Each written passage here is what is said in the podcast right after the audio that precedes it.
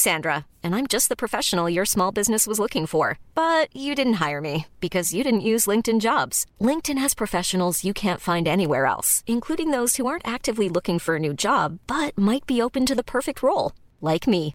In a given month, over 70% of LinkedIn users don't visit other leading job sites. So if you're not looking on LinkedIn, you'll miss out on great candidates like Sandra. Start hiring professionals like a professional. Post your free job on linkedin.com/people today. Hey, it's Paige DeSorbo from Giggly Squad. High quality fashion without the price tag. Say hello to Quince. I'm snagging high-end essentials like cozy cashmere sweaters, sleek leather jackets, fine jewelry, and so much more. With Quince being 50 to 80% less than similar brands. And they partner with factories that prioritize safe, ethical, and responsible manufacturing. I love that. Luxury quality within reach. Go to quince.com slash style to get free shipping and 365 day returns on your next order. Quince.com slash style.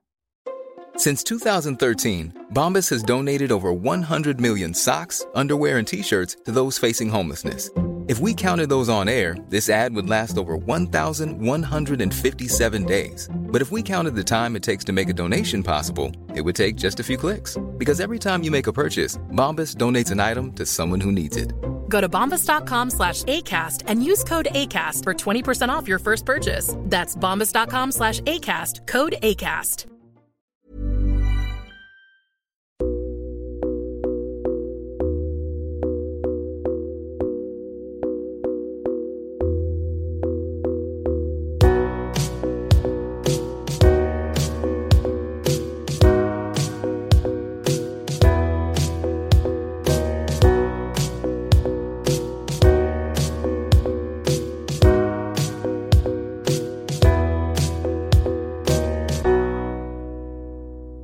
Lyssnar på Samtal, en podcast med fokus på fria samtal. Jag heter Jannik Svensson och producent för podden är Didrik Svan. Idén är att fokusera på fria samtal. Det här är ingen debatt eller någon form av duell där det finns en vinnare och en förlorare.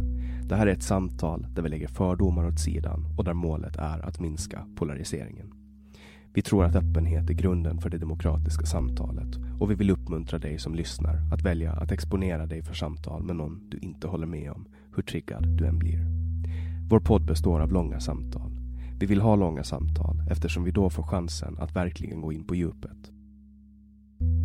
Den här podden presenteras av Webax, hemsidor och innehåll. Mer om Webax kan du läsa på www.web.ax. webb med två b. Jag heter Jannik Svensson och du lyssnar på podcasten Samtal.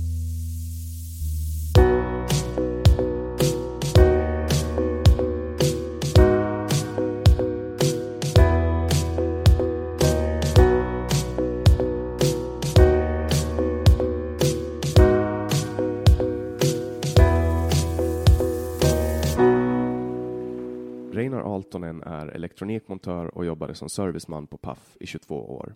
Han var en av dem som blev varslade under 2018. Han är nu ofrivilligt arbetslös. Han är far till sex barn, varav tre har speciella behov. Hösten 2013 beslutade han att ta sin yngsta son ur skolan och övergick till hemskolning. Välkommen hit, Reinar Altonen. Tack så mycket Jannik. Är det första gången du är med i en podd? Jo, det är första gången. Och du skriver ganska mycket på Facebook om, om de här sakerna som jag eh, nämnde i presentationstexten. Jo, Men eh, brukar du i övrigt på annat sätt vara med i den offentliga debatten? nej, nej, Så det här är ett, nu kliver du ut i det offentliga så att säga. jo, Och om vi börjar med Paf då. Du jobbar 22 år på ett, ett landskapsägt bolag jo, och sen fick du sparken. jo. Det kan ju inte vara så kul med huslån och barn och familj och Nej, det var ju en eh, omställning och man kastar sig ut mm, i, i, i, i periferin kan man säga tillvaron på ett vis som kanske inte känns alltför behagligt men det är väl eh, ofrånkomligt. Jag har ju pratat med andra före som har varit med om samma sak. hur, hur gammal är du nu? Hur gammal var du när? Jag var då eh, 51. Född 67. Och, och hur, hur fick du någon bra deal när du lämnade? Eller? Ja, man får ju ett avgångsvederlag då. Mm. Som... Eh, ja, man skrev ju på papper då att man ska inte yppa någonting då om det, men att det är så det funkar. Mm. Men det är alltså, jag, jag har svårt att tänka mig att, att ett, ett avgångsvederlag kan, kan liksom täcka de känslor av förtvivlan som uppstår när man vet att man blir övergiven av. Jo. Ja, mm, företaget i sig så förändrades ju under några år och eh, jag kände ju av liksom att eh, en obekväm känsla. Men samtidigt fanns ju det här att vad ska jag börja med annars? Mm. Jag är trots allt över 50 och det är det enda i princip som jag var det mitt första riktiga jobb liksom så var ju börja på verkstaden och fortsatte då till fältservicen. Att det var ju det, det som jag håller på med, det som jag har lärt mig och, och kunde liksom så att var har man nytta av det någon annanstans? Det är liksom så pass specifikt för spelautomatbranschen. Ja, det är ju ett monopol så Absolut. det finns ju inga konkurrenter heller. Nej. Och ja, då, då är det väl bara att ut och liksom försöka. Jo, hur har det gått då? Har du hittat någonting? nej, det har nog varit så där. Jag har varit på, på två företag och, och det, det, det är nog tufft måste jag säga. Det är nog tufft. Det, jag ska inte säga. Jag har lärt mig mycket under, under, under tiden som har varit, men, men eh, man eh, får bland annat hålla eh, nog tungan rätt i mun liksom och, och, och, och riktigt skärpa sig till det yttersta. Jag menar, som någon uttryckte, man har ju hårddisken full. Det, det är mm, svårt att, att eh, ta till sig och väldigt snabbt lära sig och, och, och, och göra ryck. Och även om man lyckas så kanske man till och med överdriver och, det kan se löjeväckande ut rent av. Mm. Och, och jag menar, du har ju i övrigt ett, ett, en ganska utmanande vardag på hemmafronten. Ja. Jag nämnde också i början att du, att du har sex barn, vilket är, det är ganska många barn, och, eh, varav tre har speciella behov. jo. Vad är det för speciella behov? Som, Ja, det som ju hände för oss som jag har reflekterat också över Facebook en hel del så är ju det att eh, de förlorade förmågor. Alltså utvecklades som man skulle säga normalt men, men eh, tappar förmågor som tal. Det var det främsta. Sen även då övergick till som man säger då autism, autismspektrumstörning då.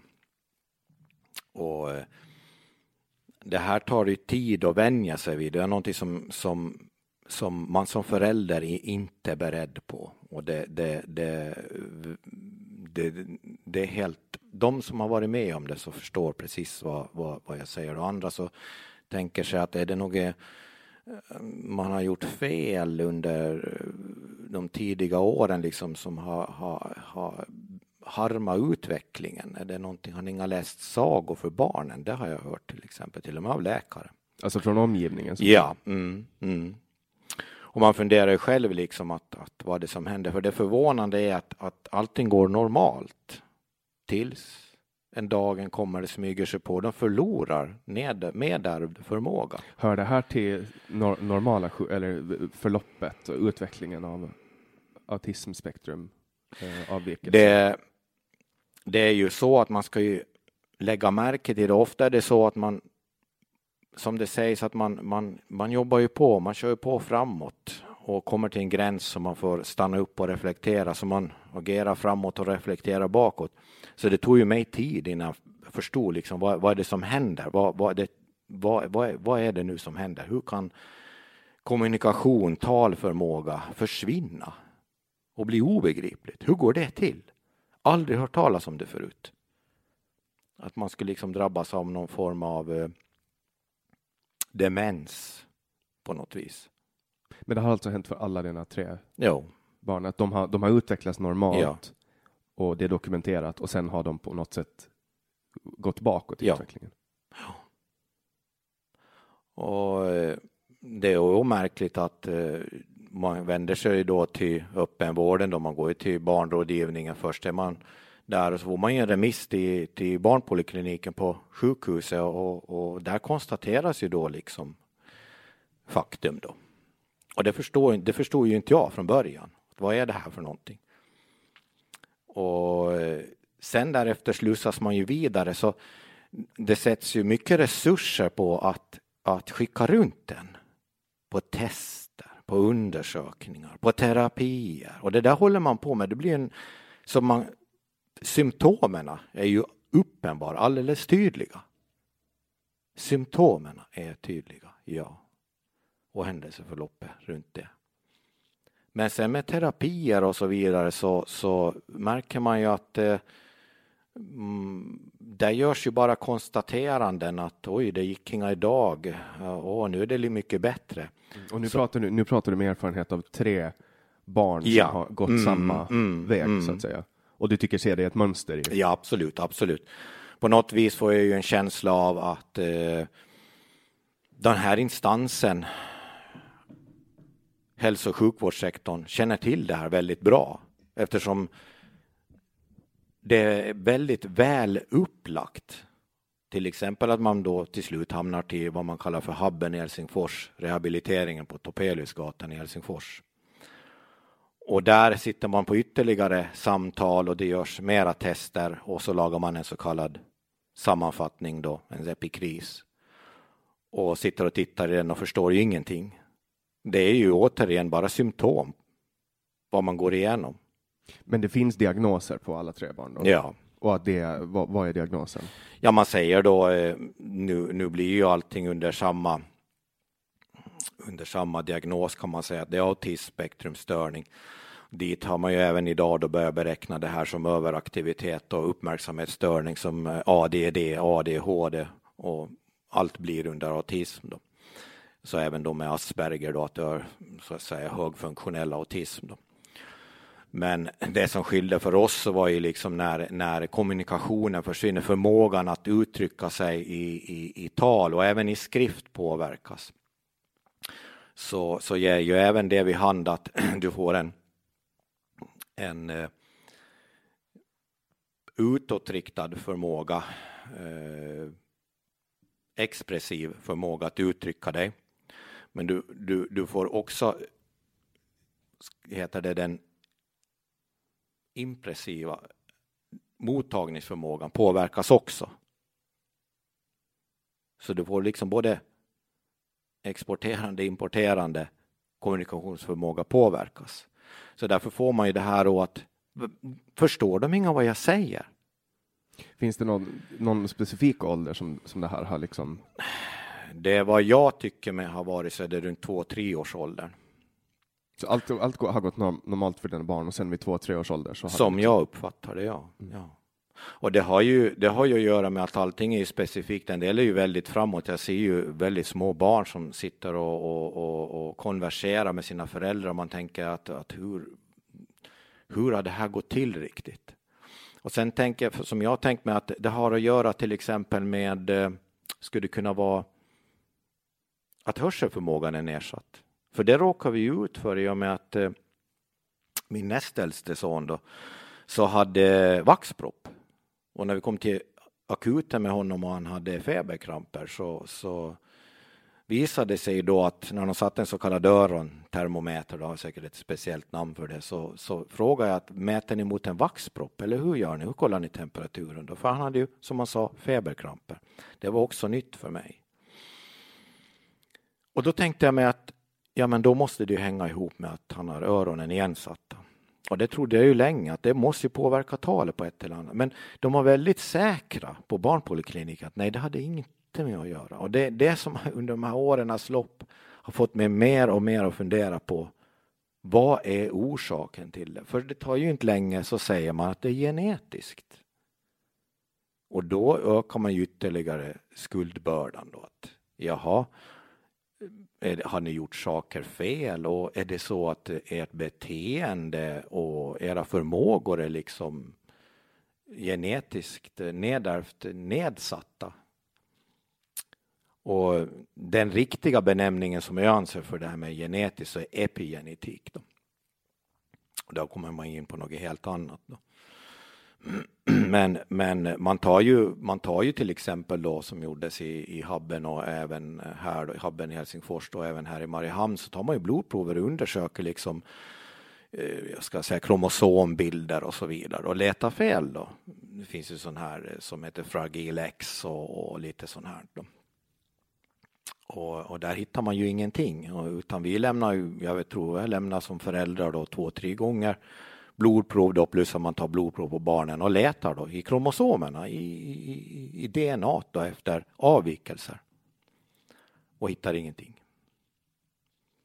Och det späs ju sen ytterligare på då med att eh, först har man eh, en pojke då som eh, drabbas av eh, tal och språkstörning som man då benämner som dysfasi och sen eh, kommer därpå följande som drabbas av autism, alltså allting klipper av. Det finns ingen, ingen kommunikation alls förutom försök till kommunikation då, med bilder och så vidare. Sen kommer därpå följande som eh, förlorar talförmågan och då har det ju som jämförelse då att, att eh, den yngste då som blir 16 nu som, som vi har hemundervisat så tänkte jag att vad är det som händer? Jag jämför hans utveckling med en närstående som är nästan jämngammal och så försvinner talet.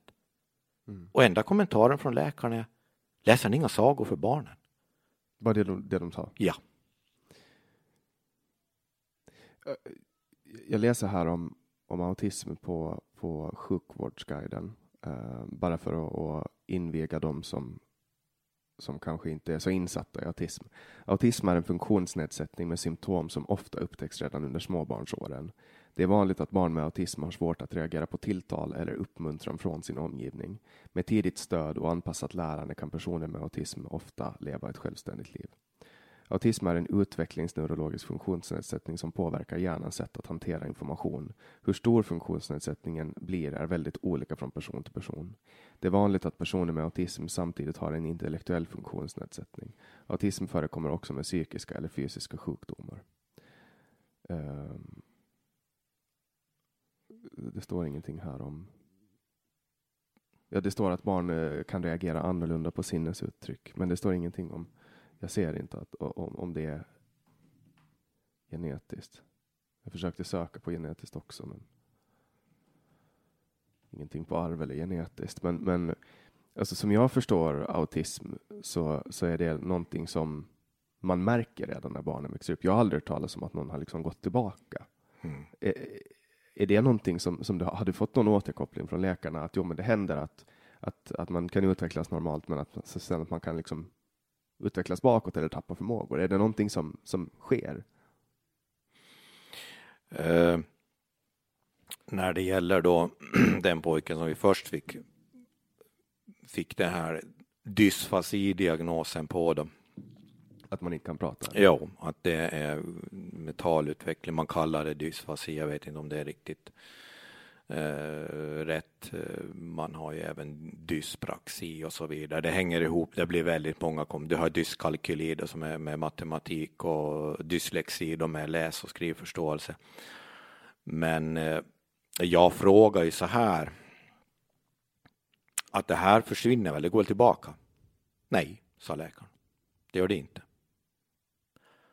Så det enda vi har hört just med det här att, att man skulle kunna liksom gå baklänges i utvecklingen regressivt eller om man vill uttrycka det. Så det har jag inte fått något, någon, någon vettig indikation på egentligen och det är det som har fått mig att liksom att, att hur är man, man, man är så säker när man ställer de här diagnoserna, gör de här konstaterandena, att det liksom rusar på. Du får inte stanna upp och fundera verkligen, men är det, är det någon form av, av åtgärder, någonting som brister från början? Var, var kan det vara någonstans? Utan det rusar på. Och det känns ju som en, det har börjat kännas för mig nu efter 20 år som en strategi. Att det här är utfunderat, får inte liksom stanna upp och börja ställa frågor är ni själva som ställer diagnoserna, är ni medverkande till orsaken att de har uppkommit i hälso och sjukvården? Mycket känsligt ämne. På vilket sätt skulle sjukvården vara delaktiga i att Att barn utvecklar autism till exempel. Jag vill ju hävda vaccinationerna. Det är många som höjer på varningens finger där och säger att nu är du ute på djupt vatten. För Ja. va- vaccination är ingenting man ska... Det är ett okritiserbart ämne idag. Ja, det är det. Det jag. går inte. Det är, det är fundamentet, det är grundpelaren i hälso och sjukvården. Det, det, det är Gud förbjude att överhuvudtaget nämna det som man anser har räddat liv i och med att ha tagit bort svåra farsoter. Man räknar upp, man börjar med smittkoppor då, som har varit från 1800-talet framåt till svåra epidemier med eh, polio, tuberkulos. Tuberkulos vill man ju gärna lyfta fram också då.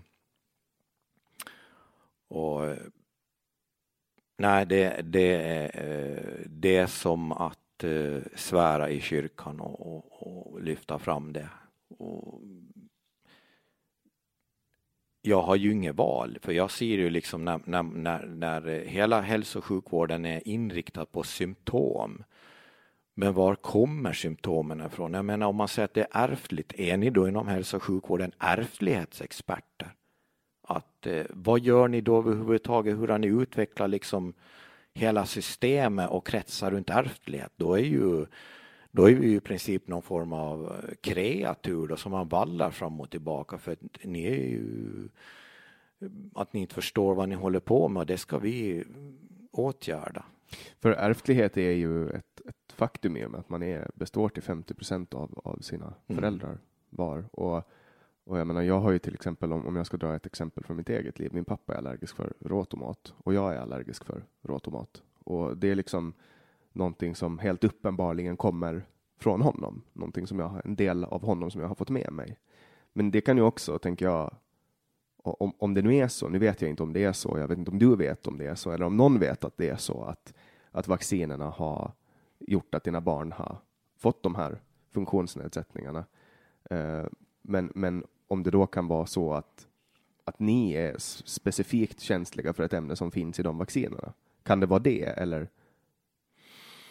Vad jag har kommit fram till, nu måste jag ge en benämning på det då, som du kanske kan leta upp där, MTHFR-genen. MTHFR, det är någonting med tylreduktas. Att jag har ju snarare börjat se på de som det går bra för och som är, är med i samma åtgärdsprogram, alltså vaccinprogram. Det står till och med i min autistiske sons eh, patientjournal att följa vaccinprogrammet. Att vad är det som gör att de klarar sig då och vi gör det inte? Och då har jag kommit fram till MTHFR. Att jag, jag har själv fått liksom följa den vägen i, istället. Jag hittar information om det, men det är för eh, komplicerat för att jag med mina lekmanskunskaper eh, ska Mm. kunna bilda mig en helhetsuppfattning bara av att, att läsa så här Mm. kort. Man kan säga det som jag hittade på svenska som var mm, någorlunda så hette metylisering. Och det är en svensk som har skrivit då och översatt det här att det har att göra med, med folsyra, vitamin B9 bland annat. Men det, det finns på, på en, en eh, internetsida som heter PubMed så finns det massor om MTHFR och ska man säga, de bryggor eller taggar i, i kromosomer som styr det här och, och vad det innebär. Ett, ett, ett, en annan en annan eh, bild av det hela så är att man kan, man kan se eh, tecken på att, att det här finns med i bilden. Och det här är alltså en mutation av en gen? Ja, en mutation av en gen och som jag uppfattar det. Ja. Kan man konstatera att den här mutationen, ja, det kan man göra genom prover. Jo. har den konstaterats i? Nej, nej, inte hos oss. Inte hos oss. Men har, om man har den här mutationen, menar du, om jag förstår det rätt då, att man, att man kan utveckla autism av vissa vacciner? Ja, Och vilka vacciner? Ja, i princip av, av, av allihopa. Man behöver ju se vad innehåller ett vaccin. Jag menar, det är ju ingen eh, vitamininjektion precis. Det, det finns inget sånt i det, utan man har olika metaller och eh, antibiotika och, och så vidare. Så vidare. Ser man ju bara på, på innehållsförteckningen så, så skulle man ju rygga tillbaka. För det är ju också ganska små doser av det här som man... Det jo, man får ju jämföra liksom att det är ju alltid samma, det verkar ju vara samma dos man ger. Om man ser den här ampullen då och, och man sätter den som, som jag har ju varit med vid förlossning och sitter när de gett då, då så kallade K-vitamininjektion och eh, Calmette-vacciner då, TBC, tuber, eh, tuberkulosvacciner. Och, och, man får jämföra då och se hur, hur mycket är det att för en vuxen person ser ju, ser ju inte det något mycket ut, men hur är det för en nyfödd, för en babys, en sån dos? Och ja, man, man vet det... ju aldrig vad det är för styrka i, alltså det kan ju vara en viss eh, vätska, mm. vätskemängd mm. utblandad mm. i en viss, men, men sen kan ju själva styrkan, koncentrationen vara mycket lägre. Ja, jag, barn. ja jag, vet, jag vet inte om de gör skillnad på barnvacciner och, och för vuxna. Det, det, det, vet jag har inte liksom börjat ställa de frågorna. Det heter ju det är ju det man borde göra. Det, det vill jag också säga att, att när ni är vid barnrådgivningen begär att få läsa de bipacksedlar till vaccinerna som följer med. Inte den här allmänna upplysningen som är på nätet utan det som faktiskt sjukvårdspersonalen får där det står om biverkningarna. Det kallas för informerat samtycke. Och, och finns det någonstans i de här bipacksedlarna att det står att barnen kan regregera i sin utveckling eller utveckla autismspektrumstörningar? Det som är ganska eh, knepigt i det hela så är ju hur man uttrycker de här förloppen och eh, vad jag hittar, de jag har letat igenom så är ju att man talar om eh, typ personage syndrom, brachial neurit, eh, encefalit då om vi säger då feberkramper då, vi säger att eh, det skulle kunna vara då hjärnin, hjärninflammation då, encefalit. Det finns ju också då hjärnhinneinflammation som man benämner som meningit och så också då de bägge tillsammans som har ytterligare någon form av meningit, en, en, eningitnamn då. Så det är vad som står i bipacksedlarna, så det är upp, uppräkningar av dessa olika symptom då. Och eh, jag har ju varit med då att eh, den pojken vi har som är autistisk idag så, så togs det ju TBE-prov då på hjärnhinneinflammation då som man säger tickbarnencefalit då. Och man menar på att det kommer från fästingar då. Och så tog man också borrelia-test då som är, jag tror man benämner den som C6 då, då söker man eh, Eh, spår efter eh, antikroppar i, i, i blodet då, som skulle tyda på borrelia. Om det är sådana, man pratar om sådana nanopartiklar eller vad det är, sen, någon form av spårämne. Och det visar ju ingenting fast tecknen var ju tydliga nog på att, att eh, någonting var avsevärt mycket mer än en vanlig feber.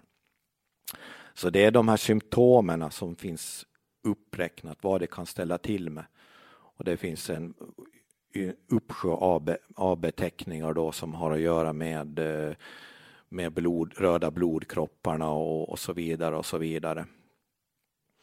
Och de, alltså, när, du pratar om de här sakerna så, så, utgår jag från att du, det är självstudier? Som, det är självstudier, ja. Är det här, är det här någonting, alltså för att eh, det blir ju väldigt tungt för, för en, en lekman att förstå de här, de här mm, sakerna. Mm, ja. Um, jag förstår inte uh, hur du menar. Mm. Uh, och, och, jag tror inte heller att jag har den adekvata utbildningen att kunna förstå mig på det. Jag har liksom inte fördjupat mig i, i det här uh, så mycket. Men, men om jag förstår det rätt så, så, är det du menar att det finns saker i de här vaccinerna mm. som kan utveckla vissa sjukdomar och att man inte vill prata om det. Så är det. Att man, man inte får prata om det. Ha, ha, finns det liksom bevis på de här sakerna? Finns det forskning som, som visar på att det här stämmer? Ja, det, det som jag rekommenderar, det är ju tyvärr det mesta på engelska, men det finns det finns en sammanslutning i, i USA som Robert F Kennedy Junior då startade upp. Den börjar som eh, World Mercury Project och eh, bytte senare namn då till Children's Health Defense. Mercury, det är kvicksilver på engelska. Jo, Mercury är kvicksilver, jo. Och det är ett gift. Det är ett gift, ja. Jag har väldigt svårt att tänka mig om man sen kallar det etylkvicksilver eller metylkvicksilver. Man säger att det finns i vissa vacciner och etylkvicksilver. Man säger också att man har tagit bort det då. Man kallar det tiomersaler och så vidare. Så vidare. Men, men eh, det är då ett konserveringsmedel. Återigen, det är, det är mina lekmannastudier. Men Children Health Defense och så finns det även då en eh, mera, kanske ska vi säga, propagerande kanal som är Highwire då med Dell Big Tree. Så åtminstone Children's Health Defense har gått helt in för dem. De har liksom övergett det här projektet runt uh, kvicksilverföroreningar i miljön och istället gått in på barnens hälsa. Som man ju konstaterar i USA då att du får allt flera, i synnerhet pojkar, som föds och som utvecklar autism efter väldigt kort tid. Jag började själv dyka in i det här eh, våren 2017 och eh, har ju då sen eh, sen sommaren 2017 då börjat dyka allt mera, mera in i, i det för desperationen, alltså den, den ökar ju desperationen. det blir ju inte bättre. Och jag är ju väldigt orolig för mina barn och andras barn, att var ska det här sluta liksom? För det, det, det börjar startas upp grupperingar där folk blir medvetna om det här problemet.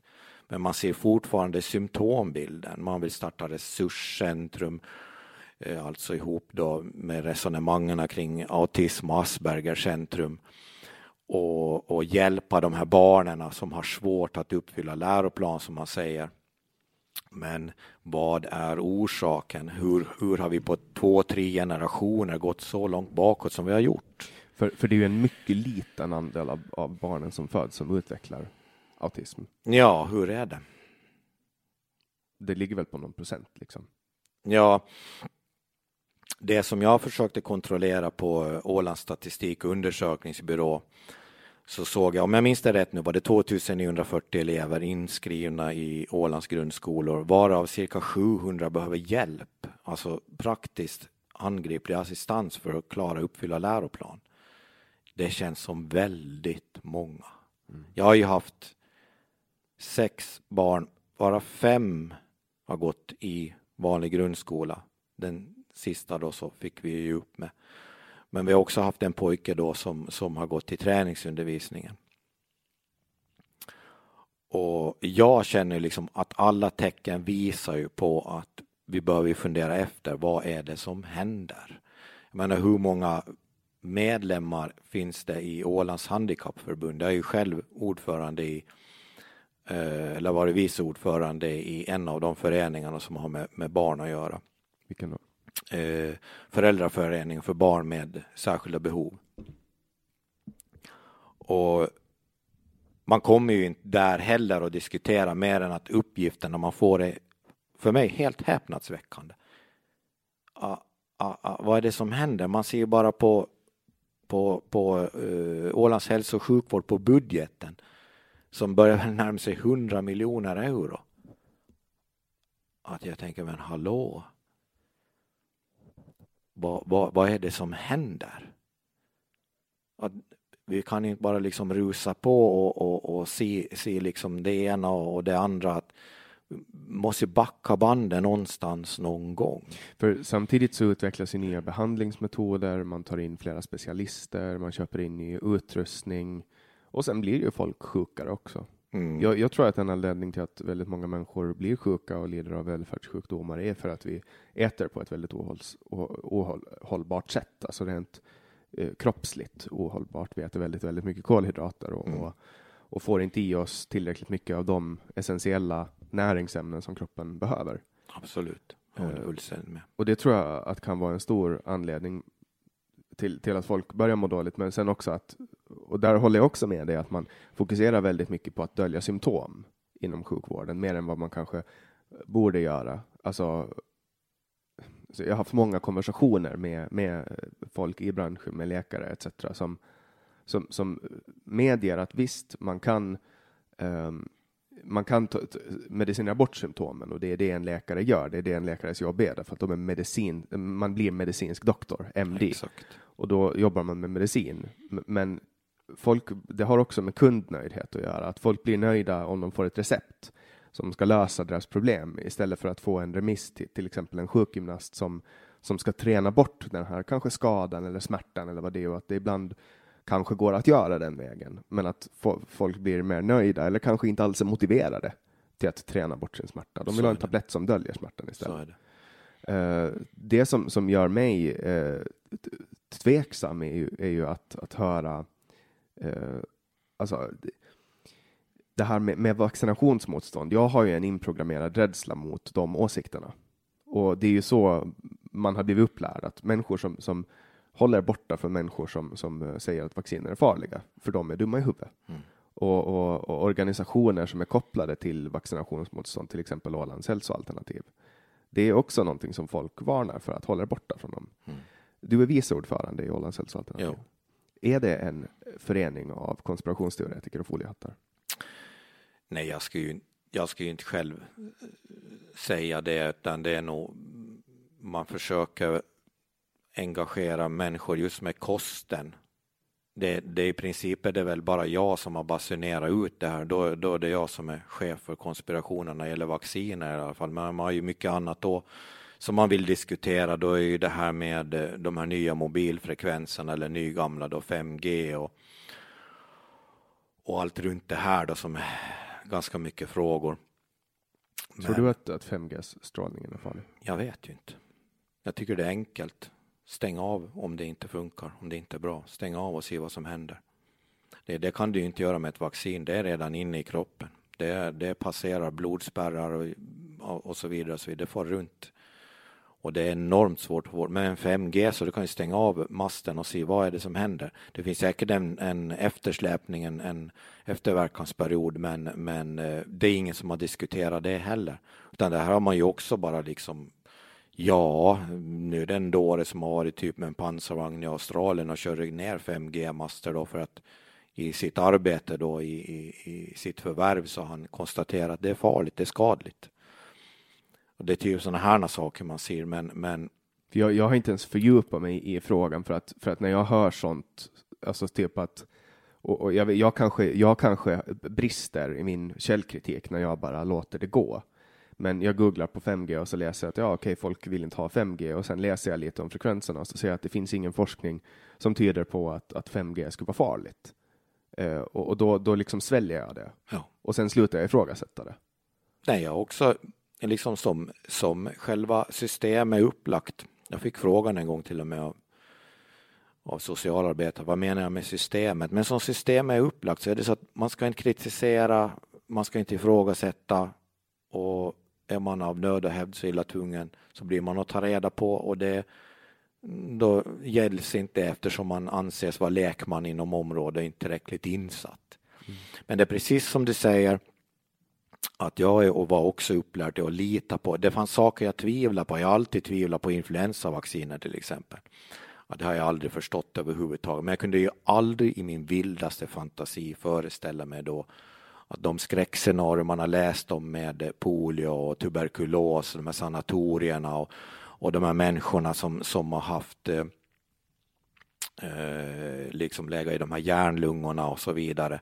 Att det skulle liksom ha att göra med något annat än, än, än att det är bakterieteorier då som, som man har satt stopp på på det här viset att vi har en, en mänsklig benägenhet till att vara kärl för för de här patogenerna då, det hindrar man genom vaccinationer.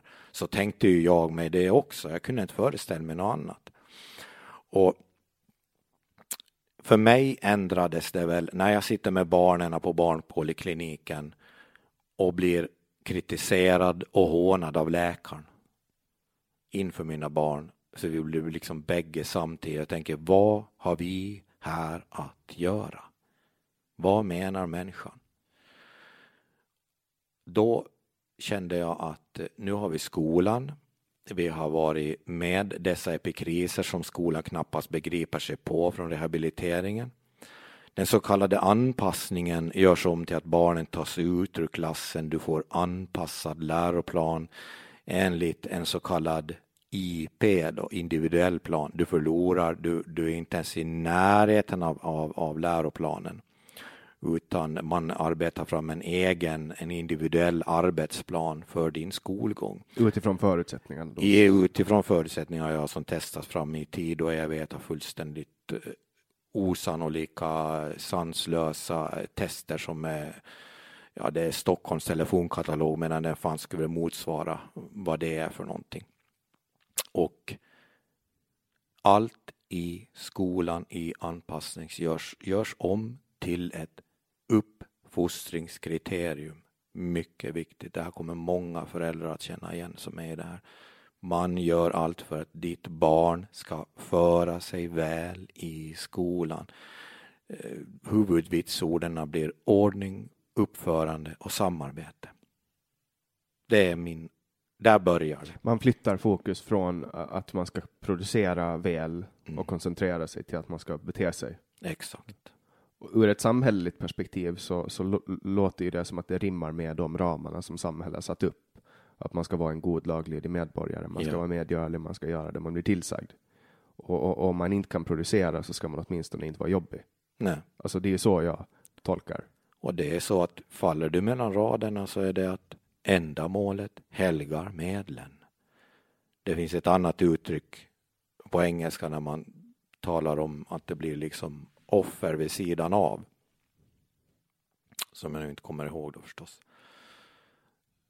Collateral damage. Ja, det är, det är ju skada som sker eh, när man gör ett, ett, ett, ett, ett bra syfte så, så skadar man någonting annat oskyldigt på sidan, men att det, det är värt det. Det är Exakt. som att man, man ska döda en, en jättefarlig terrorist och det dör några civila, varav några är barn, mm. men det är collateral damage. Ja. Det, det är sånt som händer. Så det är ju även med det här att man hör sådana, säger, läser märkliga uttryck, att jag hellre är mitt barn autistiskt än att det drabbas av tuberkulos eller polio eller eller stelkramp eller och så är det väl kanske folk som resonerar. Absolut. Att, att, det är bättre att, att det föds några barn som blir autistiska istället för att, att halva mänskligheten utrotas i, i ja. lungsjukdomar. Men om det är så då? Vi utgår från att det är så är fallet. Mm. Vill du att alternativet ska finnas att man inte väljer att vaccinera sina barn? Absolut. Måste man göra det då? Eh, ja, om man inte gör det så, så de är, de är nog inte så trevliga med en. Det, jag har inte testat på det för sista Sista runda för oss var 2009 och det var ju då pandemrik så jag fattade inte ens själv så det så kallade svininfluensavaccinet. Då. Men du har det... vaccinerat alla barn då? Jo, det var sista, sista vändan. Då. Men inga mera nu? Nej. Så nu har ni, du låter inte om vaccinera? Nej, nej, nej. Jag, jag, jag har inte tagit upp det här direkt heller för att det blir ju mycket att handla om semantik, alltså ordvalet, hur man ska uttrycka sig. Och jag visste inte av att det fanns något som hette informerat samtycke, informed consent. Det är mycket viktigt. De är nog skyldiga att upplysa en om vad det kan innebära att, och att det innebär, kan innebära någonting, precis som med allting annat. Att det är inte säkert att det är bara lite lätt feber och skrik som kommer av en vaccination. Det står ju på alla mediciner när man, när man hämtar från apoteket. Läs denna bipacksedel noga. Mm. Men, men det är ju inte alltid man gör det när man ska gå och få en spruta. Jag brukar nog ta dem utan att ifrågasätta. Ja. Men det är bara för att de har sagt åt mig att det är säkert och jag har valt att lita på dem. Ja. Men sen vet man inte. Jag kanske är spritt galen just på grund av att de har petat i mig Exakt. vacciner. Man vet det. jag vet ju... ju att jag är spritt galen i alla fall. Så mycket är klart. Nåja. Då sitter den vid andra sidan bordet som är detsamma. Jag tror att det är många som tycker det i alla fall. Ja. Jo, ja det, det, det, det, det kommer man nog helt säkert att få höra och, och det kan ju vara det är, med, det är med många processer, det är med 5G och allt vad man vill säga, så man vet ju inte vad har det för inverkan på en. Samma med mat, det tar ju oändlig tid. Min mamma pratar alltid om det vita giftet, om sockret. Det har varit känt sedan länge, sedan länge, länge tillbaka. Men diabetes heter ju sockersjukan. Men... Ja, det är ju den riktiga benämningen. men man har, länge, man har länge sagt att diabetiker kan uh, fortsätta äta alltså typ 2. Det är ju viktigt också. Jag gjorde i ett tidigare samtal så har jag gjort det stora misstaget att jag har dragit typ 1 diabetes och typ 2 diabetes över samma mm. eh, kam och det mm. får man inte göra därför att typ 2 diabetes det är det som kallas för åldersdiabetes medan typ 1 diabetes är den som uppstår spontant utan eh, utan egentligen man vet inte riktigt varför och eh, då kan man inte på något sätt förbättra situationen utan då har man det. Men typ 2 diabetes, eh, kostråden som, som har getts till patienter, jag vet inte exakt hur det är nu så jag ska inte uttala mig, men är att du kan fortsätta äta som du äter. Även om man har en väldigt ohälsosam livsstil, alltså ohälsosam i den mån att man äter väldigt mycket socker och vitt mjöl. Uh, och det är det som påverkar själva insulinproduktionen. Absolut. Och, och, och blodsockret. Och, och, desto mer socker man äter, desto mer måste man reglera sitt, sitt blodsocker med insulin. Mm. Och, och, ja, det blir mera jobb ja. att, att reglera om man äter mycket socker. Men sen finns det också forskning som säger att det är inte är bra att äta för mycket socker. Nej. Därför att för mycket insulinproduktion eh, är inte bra alls för kroppen. Nej, Nej det är ju, jag håller fullständigt med där. Det, det här med, med, med, diabetes och det följer ju med liksom med hälsan i övrigt när man försöker ta reda på. Och då är det ju precis som du säger, det, det, det är av avsevärd vikt att i akt på, på vad man äter Absolut. Det finns massor med gammal forskning om det som inte lyfts fram mer, ungefär som att det var Hedenhös tid, liksom, att det, de var i grottorna. Men så länge sedan är det inte, så mycket kan inte ha hänt. Och, och vad jag har läst i gamla böcker så tyckte jag människorna var ju klokare förr i världen. Det fanns mera sunt förnuft. Idag är vi ju så ytan förförda. Det, det och, finns ju, alltså det är bara att kolla på gamla stammar. Mm. Alltså kolla på hur det finns ju den här kända läkaren som jag inte kommer ihåg eh, om han var tandläkare eller läkare, men han åkte runt på 20-30-talet och tittade på infödingars, infödingars eh, tänder. Mm. Olika folkstammar och, och, och, de hade liksom inga karies. Nej. Och, och kollar man nu så är karies vidsträckt. Alltså, mm. Man klarar inte av att leva ett normalt liv idag uh, om man inte borstar tänderna, för då kommer tänderna att falla ut ja. i munnen på en och kommer att ruttna. Mm. Och det har ju inte att göra med att, att uh, alltså, det är ju för att vi har börjat stoppa in saker som inte är bra för tänderna. Mm. Och det är ju samma med välfärdssjukdomar. Det är ju för att vi har börjat stoppa in saker mm. i kroppen som inte är bra för kroppen. Mm. Och då får vi de här sjukdomarna. Ja, det är ju samma med hur mycket och när ska man stoppa in någonting i kroppen. Det är ju, man talar mycket om intermittent fasta. Har jag även själv provat sånt och, och bara blivit må bättre mm. av det. Jag gör, jag gör ju det mm. periodiskt fasta. Ja, ja. Och det är för att jag, kan, jag, går in på, på, på, min sinnessjuka kosthållning nu. Jag äter ju bara kött. Jag är ju carnivore. Mm. Uh, och, det är ju för att jag har haft problem med min mage ända sedan jag var ett litet, litet barn. Mm. Jag fick gå på toa väldigt ofta och jag hade väldigt, väldigt, eh, alltid diarré. Mm. Faktiskt alltid diarré. Mm.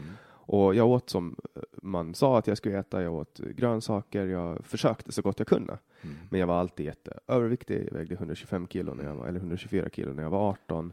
Eh, och jag har testat massa olika dieter och, och jag har gjort allt, alltså galna dieter.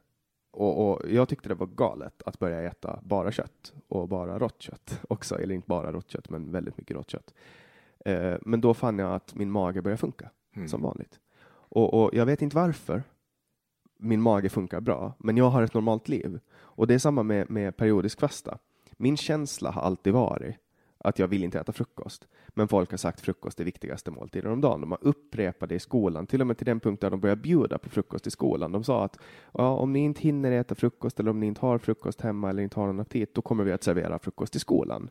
Alltså fanns alternativet att äta frukost i skolan och man upprepar frukost. Och det är klart att man tror på det. Mm. Och det var samma sak. Det här slog mig för inte alls så länge sedan att när jag, när jag var liten och mamma lagade köttbullar så sa jag till mamma, kan jag få äta en, en köttbulle innan hon hade stekt den? Och hon sa nej, det är farligt. Man ska inte göra det man måste steka kött för. Mm. Och det är ju en etablerad sanning att man ska göra det, men, men min känsla var som barn att äta köttet när det var rått. Mm. och, mm. Eh, och nu i vuxen ålder, då kan jag ju liksom själv ta fram och, och få reda på att faran med köttet är inte att, eh, när det är nötkött då, till exempel, det är ju inte att att själva köttet bär bakterier, för nötkött brukar inte bära bakterier om det inte är ytkött eller dåligt behandlat. Om man inte vet vem som har haft hand om köttet och hur det har behandlats, då ska man inte äta det rått. Och gris och kyckling ska man undvika, för där finns det sjuk bakterier som kan göra en riktigt, riktigt sjuk. Men i övrigt så är det inte så farligt att äta rått kött. Lite tartarbiff. Ja, tartarbiff eller råbiff eller uh, vad som helst. Man ska inte, nu, nu säger inte jag att folk ska springa till, till matbutiken och köpa uh, någon kofilé från, eller koköttfärs från, som har liksom kommer varifrån som helst och äter det. Man ska undvika ytterbitar av djuren. Men, men, men mina, mina instinkter, jag försöker komma fram till att mina instinkter har sagt att det där råa köttet ser aptitligt ut. Det där vill jag äta. Och, och mina instinkter har sagt ät ingen frukost. Mm. Uh, och, och, nu lever jag på ett sånt sätt. Jag äter nästan uteslutande bara animaliska fetter och kött uh, och, och, och, kör periodisk fasta. Mm. Alltså jag äter runt 12-1 så mm. äter jag en måltid och runt 5-6 äter jag en måltid. Sen äter jag inget mer. Men kollar man på kostråden, då ska man äta fördelat med kolhydrater, protein, man ska äta många små mål om dagen. Kostcirkeln. Ja, kostcirkeln. Och där, där ställer jag mig tveksam till att man kan klumpa in alla människor. Jag säger inte att, att kost, kostcirkeln är säkert bra för många, kanske till och med för majoriteten av människorna, men inte för mig. Nej på samma sätt som att skolsystemet inte funkar för mig. Det, det funkar inte för mig, men mm. jag tror att alla människor är helt unika på sitt Så sätt. Och, och, jag tror också att det här att man ramar in och sätter in folk, för jag kan förstå dig. Nu, nu eh, hoppas jag inte att du har någonting emot att jag sätter epitetet konspirationsteoretiker på ja. dig. Mm. Är du bekväm med det epitetet? Ja, det ställer man sig inte upp någon gång så, så ja, vad ska man göra? Mm. Det, det, då blir jag ju nermejad. Mm. Jag anser ju att, att det jag, jag står för, jag måste göra det, för av, jag är av nöd och hävd så illa tvungen. Jag vill inte att det ska fortsätta för mina barn och inte för andras barn. Precis, det är olika. Det, det är precis som, som du säger att just med kosten, så kosten är ju vägen att komma till bukt med dessa diagnoser. För vår autistiske son då, så frun tog bort då gluten, socker socker, mjölkprodukter. Och jag var ju tveksam till det här. Jag tänkte, jag var precis som alla andra där att nej, kan det vara möjligt? För när man är inne i den här, som du säkert märker, man är ju så inne i eh, hur man för sig och framförallt kanske då vad man äter i det här sammanhanget. Så man blir ju självblind. Mm. När du byter mönster så kommer det ytterligare att ta tid innan du märker att men vänta nu, jag har också slutat med frukost och det säger inte att, att andra ska gör samma sak. Men för mig så blev det en skillnad. Jag blev klarare i huvudet. Och det har ju säkert med insulin att göra, liksom kropp som, liksom omsättningen av, av födoämnen och, och allt vad, vad som är med vitaminer och mineraler. Att jag testade att börja äta på eftermiddagen. Jag jobbade faktiskt på chipsen i somras och då ville jag testa det, fixa det. Det var tungt mm. när lunchtiden var och jag bara satt och, och, och titta på då och den andra tittar ska ingen där äta någonting. Så provade jag liksom att jag äter. Jag hade cykel med mig dit och cyklade dit, nio kilometer då från, från Gibbelevägen och, och cyklade dit då och, och cykla hem och så åt jag när jag kom hem och, och det kändes bra. För då var ju jobbet över. Så jag satt där och inte gjorde ju något mer, kanske titta på lite Netflix eller något sånt där som jag spelade in och så åt jag då. Då är jag utvilad, magen kan göra det den ska göra, det är inget annat på gång. Mm. Och jag, jag gillar det och jag skulle gärna tillbaka till det. Man säger ju eh, in och ut ur ketogen diet då. Ja, det är... Jag har ju testat, för det är ju kött då uppenbarligen eh, Liksom för mig var det då häpnadsväckande när jag testade en gång att äta, jag tror det var eh, lammtartar. Nu hörs det grymt för de som är djurvänner. Men, men jag, jag är också för det att man ska inte liksom, man ska inte plåga djur eller något och så vidare. Jag, jag, jag, är för dåligt insatt i det. Men, men då åt jag ju det för några år sedan. Det var ju gudomligt gott, så föråt mig ju på det till slut. Men jag förstår precis din känsla för det. Nu har ju jag gått in för mer att försöka äta mera med, med, med vegetariskt då. Men det är för att jag vill testa på det, jag vill försöka det har ett syfte att få mig att må bättre och därigenom hjälpa mina barn att må bättre nu när jag börjar förstå det här. Hur, hur, hur ska man bära sig åt? För när du nämnde med tarmen så här började för vår nu då snart 20-årige autistiske son att, att han hade problem med magen. Han hade ständig förstoppning. Peristaltiken, alltså musklerna som drar tarmen, hade slutat funka. Det förstod inte vi då. Vi hade ju ingen aning vad det var. Så han bajsade ju där han kom åt, tömde tarmen. Då. och, och, och det var mycket, och jag förstod, vi förstod inte vad det här handlade om. Men nu får du dyka in igen. Om man läser Andrew Andy Wakefields eh, deras eh, artikel i The Lancet som blev då refuserad, allt borttaget. De bästa läkarna i England gjorde en undersökning då av det här runt mag-tarmproblem då. Att du har då liksom tunntarmen då, Crohns sjukdom och, och eh, i tjocktarmen då, mm, vad heter det då då? Mm, då IBS eller något i den stilen, att man skiljer dem åt på det viset. Vad man hade märkt så var ju att eh, blodkärlen till tarmen var inflammerade, var angripna. Och vad det kunde bero på, det, det, det finns då liksom, det har hänt någon gång att någon har fått eh, mässlingen och röda hund eller om det var mässlingen och vattkoppor ihop samtidigt. Och då har det här uppkommit att du har fått problem med magtarmen. Men det var egentligen det som, som den artikeln handlade om. Och de som var med, då, hela den här artikeln är ju refuserad. Jag känner ju själv att eh, det, de bästa läkarna i England, det verkar otroligt konstigt att de ska utsätta sig för det. Vilket ju resulterar i rättegångar, de förlorar läkarlegitimationer och det blev alla möjliga ekonomiska repressalier för dem, konsekvenser.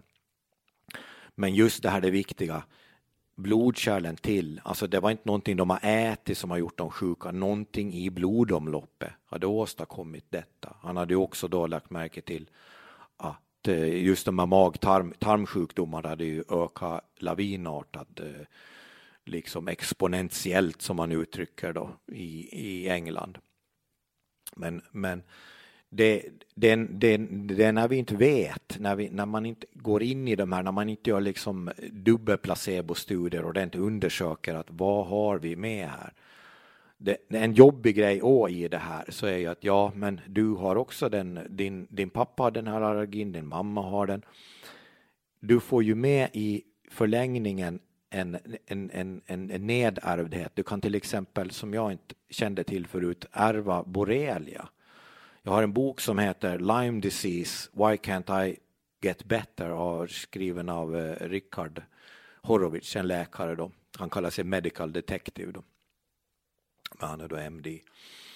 Och i den boken blev jag så förvånad för jag kommer fram då till att han försöker få en patient. Hon vill bli gravid och få ett barn till. Och om jag minns rätt så var det tre missfall och sista gången så lyckades de. Då.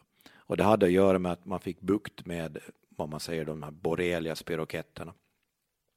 För det som har hänt så var att fostran fått de här spiroketterna överfört. Och då blir jag så liksom, men hallå, är det inga bara från fästingar? Alltså kan man ärva det? Och då har det ju samma med resten av vad som finns, vad vi har i våra kroppar. Är det möjligt att eh, konsekvenser, rester av vacciner förs över via placentan via moderkakan till fostret. Det finns ju vissa sjukdomar som kommer med. Mm. Alltså man är ju inte resistent för en, för en sjukdom. Mm. Man växer ju in i... Man, så det, det... Och det sägs ju då även, som jag har pratat med de som har studerat då mera ingående här orsakssammanhangen inom medicin, att, att det ska förhålla sig så att det förs över från modern till barnet. Vi säger med patogener och, och så här. Av den anledningen att om någonting händer så är det modern, bättre att modern klarar sig än att barnet gör det. Att det rensar, det blir den utrensningen, detox. Det, det, hörs ju, det hörs ju i mina öron otroligt grymt på något vis. Ja, naturen kan... är ju inte förlåtande. Och nej, nej, nej, nej, det är ju så att eh, det är precis som jag avbröt det där, men, men, men, men så fungerar ju naturens lag. Att eh, det finns sammanhållningar, sammanhang som är eh, gällande. Mm. Alltid. Men kollar man rent på, på ett allmänt plan så så, så har, har ju du den här fallenheten, jag tänker både med vaccin och med skola, att du litar inte på det etablerade systemet.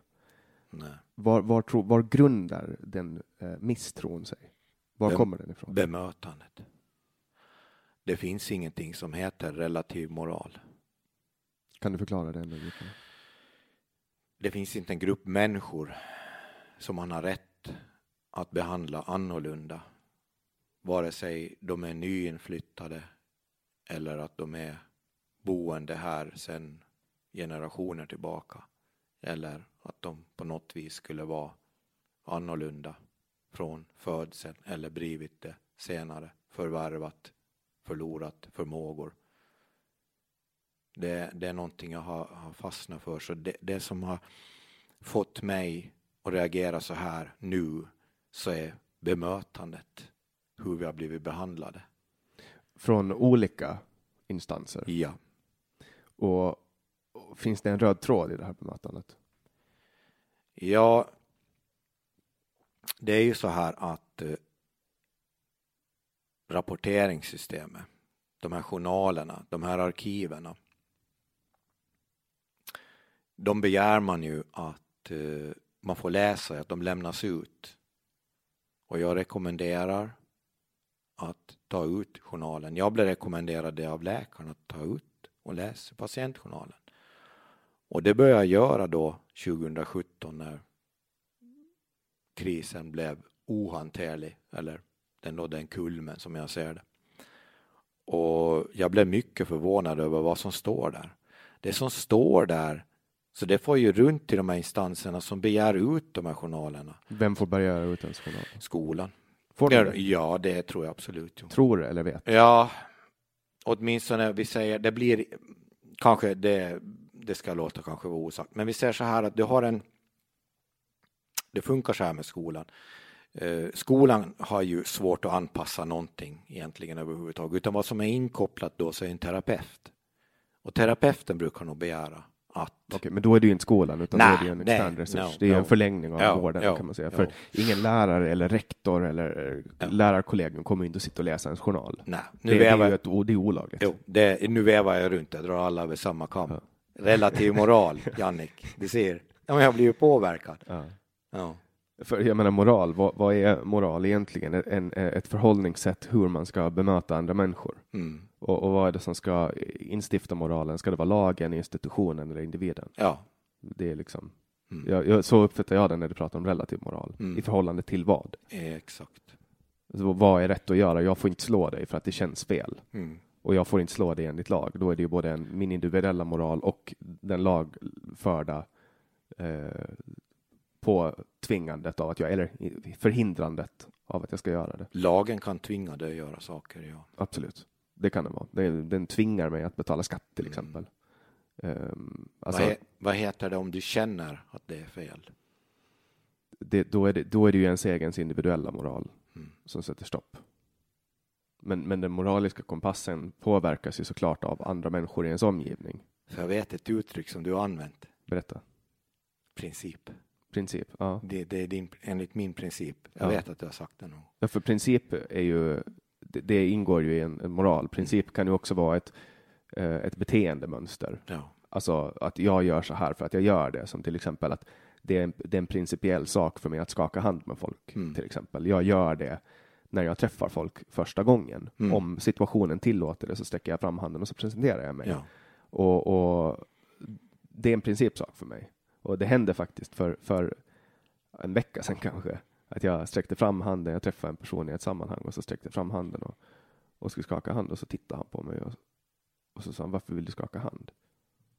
Och då blev jag så här och så sa jag vill du inte skaka hand? Och så sa han nej. Och, och då blev jag så här helt ställd. För att för Mm. mig är det liksom, det är en principsak att man Mm. gör det. Att man presenterar sig och berättar hej det här är jag. Och jag vet inte varför jag gör det, men, men det är väl en princip, utgår jag ifrån. Mm. Absolut.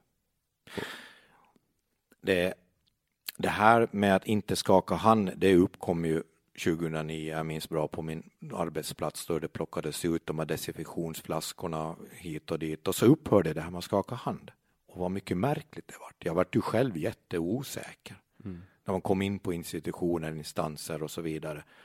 Så var det liksom att det nickade åt varandra så här. Ja, läkare och sånt så brukar man inte få skaka hand med. Men, och, och, om det, och sen, sen också, det är ju alltid förlåtligt för mig när folk säger nej, jag är förkyld.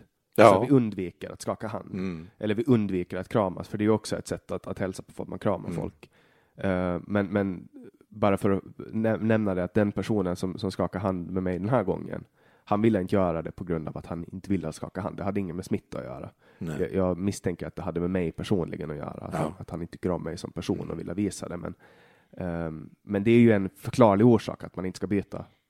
Mm. Och sen, sen vet jag ju också att det var ju väldigt, jag, och det här, det här kan vara slump, alltså jag, jag förbehåller mig för att det här kan vara slump, men jag satt i, i lagtinget i eh, sex veckor och då hade vi först plenum och eh, eh, första plenumet då. Och då går man och så skakar man hand med alla. Det är en regel i huset att varje måndag så skakar man hand med alla som man har plenum med. Eh, så det är alla lagtingsledamöter och, och lagtingsdirektören och alla som är liksom rör sig där i huset. Så det är ungefär 30 handskakningar, 35 handskakningar. Och då byter man bakterier med 35 familjer ish. Då blev jag sjuk. Och sen var det uppehåll, eller sen, sen hade vi ett, ett kortare uppehåll i några veckor och sen var det plenum igen i början på december och då när jag gick och bytte ha- handbakterier med alla, då blev jag sjuk igen. Så jag hade två förkylningar på väldigt kort, kort tid och det är bara, det kan vara helt slump, men, men jag är tämligen övertygad om att man har bevisat att handskakningar sprider bakterier. Eh, men men eh, i, i vilket fall som helst så är det en, liksom en, en grej att när man träffar någon så gör man någon form av hälsningsritual. Princip framför person. Och det du pratar om med bakterier så kallas ju på engelska för the germ theory. The germ theory. Bakterieteorin. Ja. Basilskräck. Ja, för, för sen kan man ju undvika de här genom att inte liksom stoppa in handen i ögonen, näsan eller munnen. Och det ska man ju komma ihåg att man, man inte ska göra, för då kan man undvika. Man kan ju till exempel klara sig, om jag har förstått det rätt, från en vinterkräksjuka genom att inte sätta händerna av munnen Mm. eller på något sätt komma i kontakt med, med de här. Eh, att, att det inte får ta sig in i kroppen. Men sen finns det ju också de bakterierna och virusen som kommer luftburna, så att säga. Eh, men hur kom vi in på det här med princip och moral? Vi pratade om, om eh, vi pratade om moral, Och vi kom in via eh, de här Vem läser journalerna. just det. Det- det, där var det-. Du pratade jo. om terapeuter. Jo, alltså det, det, är ju, det, är ju, det är ju vad jag också vill säga med skolan, att, att tänk på det liksom med att det är de här terapeuterna som, som är involverade i det. Att eh, vem är det du pratar med egentligen? Pratar du med skolan eller pratar du med terapeuten? Pratar terapeuten med skolan eller pratar, pratar de med dig? Det här har blivit väldigt, det, det är sån här, det, det, det är liksom, jag brukar prata om spel för gallerierna. Det kommer alltid från spel för gallerierna. Jag har ju sådana uttryck som kommer liksom hela tiden, hela tiden, hela tiden. Och, och ja, det blir ju så här, det snurrar ju på på ytan som en sån här skräddare som, som far runt en vacker sommardag på, på vattenytan. Och vad, vad, jag känner liksom att vi måste komma överens, säger man kom, konsensus, att vad, vad är det som gäller? Och det, det är ju det som inte heller går i den här världen. Det går inte att göra någon överenskommelse överhuvudtaget, utan det lagas upp planer och, och, och det ena med det tredje. Och Alla ska gå samma väg. alla ska gå samma väg och det, det står till exempel, jag ser ju de här individuella planerna i IP som det är ju schabloner, det är också ett uttryck vi använder ofta. Det är standardformulär som man bara sätter namnet dit. Jag hittar dem när jag går via eh, habilitering, rehabilitering i Helsingfors så kommer man till slut upp till någonting som heter Utbildningsstyrelsen då, som är så högt upp man kan komma. Och så finns det också eh, för lärarna en egen eh, instans då där man söker och hittar de här och de liknar på varandra och verkar komma från Utbildningsstyrelsen. Så det är som, det är som färdiga schabloner där det berättar då liksom dels instruktioner vad du ska göra då när du har ett elev, en elev som, som eh, inte klarar av att uppfylla läroplanen och, och, och då görs det då liksom, finns det färdigt att så här ska du skriva, så här ska du göra som lärare då. Och eh, i dem så står det ju då liksom att du får ju liksom en, en, en obegriplig ansvarsfördelning. Att du ska kunna fjärrstyra ditt barn hemifrån i skolan, det går inte, vet du ju själv, det är omöjligt. Det vet jag att det är din erfarenhet. Ja, men så är det. Men hur ska man ha det? Jag menar, jag har ju varit med med, med hemundervisarna och träffat de som har flyttat hit från bland annat Sverige. Och jag blir så imponerad av deras barn, deras förmågor. Jag, jag, alltså man, blir ju, man blir ju ledsen inombords. När jag ser att mina barn kan inte spela gitarr och sjunga och spela piano och sådana här grejer. Och mycket har det att göra med vad jag inte, det är ungefär som att du äter kött. Jag är ju intresserad. Vad vill jag helst göra? Jenny, jag vill ju köra vrålande V8 och jänkebilar och lite sådana grejer kanske. Men jag lägger undan det för det är inte värt det. Det är inte värt ens att jag skulle börja med det. Men för att komma tillbaka nu med hemundervisare, då ser jag liksom hur man har fått det. De, de tar sig, man, det är ungefär, du lägger fram till barnet. Du använder din erfarenhet och presenterar det som finns, som man anser är lämpligt. Du kan ju bestämma, du kan inte bestämma vad som händer i en skola när barnet är i skolan, vad de utsätts för, vad som händer där. Du har ingen möjlighet till det. Men det är mycket, mycket, mycket saker i vår familj som vi brottas med än idag som, som inte är uppklarat, som är så känsligt så det går inte att ta upp ens här, för då ska jag ju ja, bli hängd hemma i princip. Men vad, vad hände för att du skulle ta din yngsta ur skolan? Vad var det som gjorde att du Nej, det gick inte att komma överens om någon läroplan, ingenting. Och det var för att han har speciella behov? Ja. Och, och blev det knorr och gnissel från skolan? Ja, alltså vad har det i skolan att göra om man inte följer läroplan? Jag förstår inga. Vad är det för läroplan ni följer nu då? Ja, vi försöker ju laga ihop själva en så kallad arbetsplan då. Och, och, och, och vi gör så gott vi kan. Hur funkar jag menar, det? Jag... Måste man liksom på något sätt eh, visa jo, människor? man redovisar då. Man redovisar. alltså det är så här att jag brukar säga så här eh, varför gör du Reinar Altonen på det här viset? Jo, för att jag har sex barn från 94 till 2004. Jag håller på sedan 2002 och, och med, med skolan. Det har gått så många år. Det har varit så många etapper, så många skilda händelser på varandra. Jag kan inte fortsätta, det går inte. Men vad, vad är det som gör att, att du blir utsatt för de här, eller är det bara att du reagerar på det? Att alla blir utsatta för det, men du är den som reagerar på det? Eh, många reagerar nog starkare än mig. Det är jag säker på. För visst har det hänt saker i skolan? Mm. Alltså, jag har ju brottats med myndigheter och, och, haft problem, men det jag har konstaterat att ibland så lönar det sig inte. Nej. Därför att bevisbördan ligger på en själv och, och, och när bevisen finns bakom sekretess ja. så är det ingenting som går att liksom hur ska jag kunna komma åt sekretessbelagda dokument? Eller, alltså, du kan dölja mycket bakom sekretessen. Ja, så är jag kallar det för konfidentialismen. Ja, det är en bra benämning på det. Ja. Och det, du har även en annan benämning där som jag själv hittar på, kanske den finns. Jag kallar den för psykopatismen. Det är människor som de berörs inte av någonting överhuvudtaget, utan de kör på sitt race och då får jag ju välja jag står inte ut, liksom, så konsekvenserna för, för mina barn är så, det går inte liksom längre att säga att du får acceptera vissa saker. Jag menar, jag har ju barn som i 20-årsåldern så börjar de resa sig själva och, och, och kommer vidare. Det är ju så att det är de själva som har gjort det. Jag har, jag har gett dem de möjligheterna. Jag kan, jag kan absolut inte påstå att våra offentliga instanser har gjort. Jag kan inte, jag kan inte påstå det. De ställer upp sitt regelverk och så får man följa det som en lag, påtvingat. Vi får ju fundera som vårdnadshavare, som föräldrar, hur länge ska vi följa lagar som strider mot våra principer? Mm. Det är ju vi som ska ha rätt att välja. Vi ska ha rätt att välja vad de utsätts för, vad de, vad, vad de umgås med. Jag menar, det, det, det har ju hållit på i så många år. Någon, det som skolan aldrig har lyckats åtgärda, som bara rullar på, så är trakasserier, mobbning. Jag var själv utsatt för det. Jag blev helt nedslagen i, i skorna av det. På ett sånt vis, och det, det har ju tagit mig till vuxen ålder, så många, många andra att komma över det. Då kommer de naturligtvis att säga ja, så är det med honom, han har varit så utsatt för det, så nu måste vi få honom att förstå det. Nej, det är ni som får förstå. Jag menar, det finns ju en gräns för var, var principer och moral kan eh, ta stopp och det är till exempel om man tar Alltså, det finns ju folk som vill att deras barn ska till exempel läsa sharia-lag i skolan. Alltså, mm. och, och, verkligen vill det. Men, men i och med att det strider mot våra demokratiska principer och det man har brett överenskommet fatta beslut om att, att vi ska lära ut demokratiska principer, då får man inte göra det bara för att man har en sån tradition i familjen.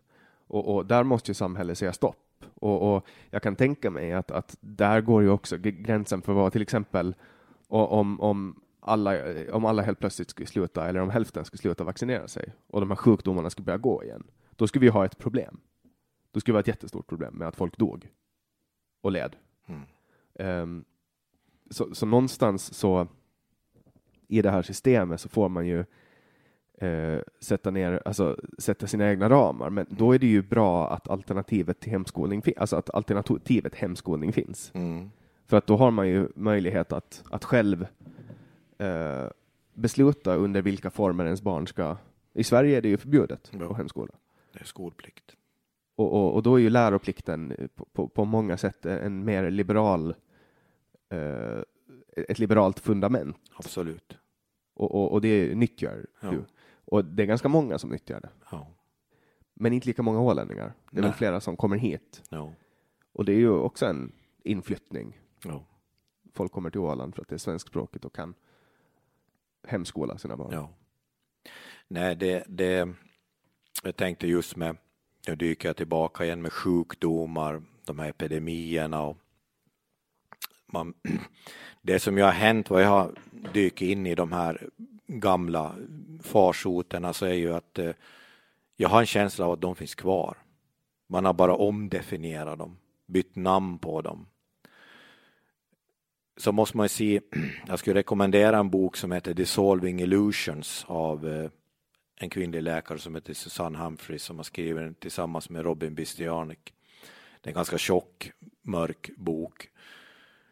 Den heter Dissolving Illusions Vaccines and the Forgotten History. Den tog mig lång tid att läsa igenom. Det är nämligen så att Susanne Humphries har varit här i, ett ärende då i domstolen, jag tror det var 2014. Jag missade hennes anförande då, men jag såg, jag tog bild på att det var på anslagstavlan i, på S-market i Godby. Och Eh, där så berättar man om miljön, om omgivningen, vad som hände, vad, vad, vad var smittkopporna för någonting egentligen, hur uppkom det? Och om man till exempel då går vidare till något som är lite lättare som heter The Truth About Vaccines. Det är Ty Bollinger och hans fru som har, har gjort den serien i USA. Föregångaren hette The Truth About Cancer. Och där var det ju med mycket med det här med, med eh, vad man äter för någonting och behandlingsmetoden de hade. Men Truth About Vaccines, det var våren 2017 jag såg den. Och där tar man upp det här märkliga förhållandet. Börjar man se tillbaka historien på statistik så ser man att vid de här tillfällena som epidemierna var det med polio så körde man hårt med något som heter DDT, ett växt, ett insektbekämpningsmedel. Och jag blev intresserad av det liksom för att vad, vad, vad var omständigheterna då? Och jag, jag, jag kommer ju fram till det vad de säger att vår, vår levnadsstandard, vår hygien tog bort de här sjukdomarna man, man satte ihop det med vaccinationen genom att omdefiniera sjukdomarna, på vilket sätt du definierar dem. Polio definieras idag på PV1, PV2 och PV3. Poliovirus 1, 2 och 3, så kallade enterovirus. De här enterovirusen har vi i våra tarmar. Vad jag har läst, vad jag har förstått, så finns de här, plus 65 andra. Varför just dessa tre skulle ge polio? som man då förknippar med förlamning, i synnerhet eh, vad som man säger då, yttre extremiteter i benen och så vidare. Och, och det är det, det, det som jag har, har liksom fallit tillbaka på. Att vad handlar det om? För min mormor lär enligt uppgift ha, ha, ha dött i polio 1940. Och jag trodde när jag var liten att det var då en polioepidemi som gick i hemtrakterna i Kumlinge då. Men sen får jag höra en historia hur min morfar hade fått, eh, ja, han hade blivit mycket förargad uppe i by, byns affär då. För han hade frågat efter ett medel som man kallar för kejsargrönt. Kejsargrönt har jag förstått det är koppararsenid, koppararsenik. Och det finns flera varianter av det. Det finns som eh, kalium eller kalciumarsenid och så vidare. Det är alltså arsenik blandat med någon form av metall och det finns även i, med bly, blyarsenid. Det här var ett medel som användes som eh, skadedjursbekämpningsmedel innan DDT fanns. Och jag börjar få allt mer få den känslan, månne det var så att på något vis fick min mormor i sig det här medlet någonstans i hemmet eller på något annat vis och drabbades av förgiftning helt enkelt. Och vad man konstaterar då när, när eh, man obducerar, det är tydligen bara då man kan se det här att, att ryggmärgen då, myeliten, är skadad. Men av vad? Och då ser man bland annat att man har de här enteroviruserna där. Men hur har de viruserna kommit dit? Så det är just de här definieringarna, vad är det för någonting, vad, vad handlar det om? Uh, hur definierar man, man, man det? Vad, vad, vad är polio idag? Men om jag förstår det rätt så, så, så tror du alltså att din farmor har blivit förgiftad, mormor har ja. blivit förgiftad av någonting som din morfar har köpt i Kumlingebutiken på 40-talet? Ja, det var så att han köpte trän. Jag hittade nämligen forsäden från jag tror 1938 så köpte han en, en, en, en mängd då, träd ska man säga, vad heter det, som plantor då, och plantera. Och för att få det här att funka så börjar man se till att, att de inte angrips av insekter. Om man har tänkt livnärs på det då. Och då använder man då en pumpanordning som man pumpar upp, eh, blandar med eh, vatten då och, och, och, kemikalier. Då. Alltså den där som du nämnde, kejsargrönt. Mm, mm. Och jag vet inte om just det användes till det, men, men kejsargrönt användes ju absolut, det vet jag helt säkert, till att impregnera eh, sjöfågelvättar. Alltså man, man tog liksom de här ska man säga då, lockbetarna, man ska säga bulvaner eller vad man ska kalla det, men man lagar dem av riktiga sjöfåglar med den, med, med den följden att man måste impregnera dem med någonting, att inte, att inte eh, skadedjur gick på dem. Och dem så var det ett ljusgrönt skarpluktande pulver som lades på då, och det var kejsargrönt. Så jag var instruerad att i den byggnaden där dessa förvarades, där får jag inte gå och öppna några skåp för där är de, det, detta kejsargrönt pulver på, det är extremt giftigt. Men hur länge har man vetat det? För enligt uppgift då, då så har det ju använts som färgämne i tapeter och, och kanske även i kläder och tyger till möbler och så vidare. Och att det här skulle ligga bakom polio? Eh, till exempel, ja. Att, eh, Eller att, att det fanns något ämne i det mm, som mm. bakom. För man sprayar ju intensivt, liksom under andra världskriget så börjar man använda det här DDT och spraya intensivt. Men man, det finns bilder hur de har sprayat i, över, över militäranläggningar, eh, sängar, eh, väggar och så vidare. Men även över maten, för det ansågs ofarligt. Och det tog lång, lång tid innan man förstod liksom vad, vad som kan hända. Ja, det står här att det är en att det är en virussjukdom som sprids, sprids med avföringen och förorenat vatten. Det kan också spridas mellan människor. Polio kan skada ryggmärgen och orsaka förlamning. De flesta blir friska, men sjukdomen kan vara livshotande. De flesta blir friska, och det är om man, man behöver kanske det är ett fåtal som fick de här eh, att det blev kvar så länge att de behövde vara i, i en sån här eh, hjärt-lungmaskin, höll jag på att säga, en sån här andningsapparat, eh, vad är det de heter nu igen? Hjärnlunga, ja. De kallades så för de var ju stora. Alltså respirator? Respirator, jo. Idag, idag drabbas man säkert av det också, men, men då görs det på ett annat vis. Man ser de här slangarna som man sätter till näsan med övertryck och så vidare. Att det kunde inte göra sånt, det hade inte de eh, eh, mätkapaciteten att man kunde liksom göra det på det viset utan, utan var säkert liksom att det blev för mycket tryck eller för lite tryck. Då. Men det är säkert människor än i denna dag som, som, som får problem med, med andning och så vidare men det märks inte på samma vis, man definierar det annorlunda. Så absolut med avföring så säger ju också liksom att om det sprids med avföring, ja, mm, hur har man fått de här sjukdomarna då? Man tvättar inte händerna efter man har varit mm, exakt, jo. Man har ju, jag vet ju inte heller hur, hur, hur, hur hälsosamt det är att def, desinficera händerna med handsprit. Och man tvättar ju faktiskt bort en del av ytskiktet, det här fettskiktet som, som som ska skydda mot, mot bakterier. Ja, det har man ju börjat ifrågasätta också. Samma invärtes med antibiotika, att när man tar antibiotika så dödar man ju även de goda bakterierna i tarmen. Absolut. Eh, och det är inte alltid till fördel att göra det. Nej. Eh, jag eh, brukar mest tvätta händerna. Ja. Det räcker med att man Jo. tvättar händerna oftast för att få bort bakterierna. Vi har ju just vår autistiske son som föddes ju med diafragmabråck, mycket allvarlig. Där kan jag inte säga någonting, att där räddade ju sjukvården livet på honom genom att ta honom till, med helikopter till Uppsala Akademiska. Så när vi var där då så sa man just med de här eh, doseringsflaskorna då med sprit att vad man konstaterar, så det bästa som åtgärden för att hindra då spridning av bakterier och så vidare, det är att tvätta händerna med vanligt tvål och vatten.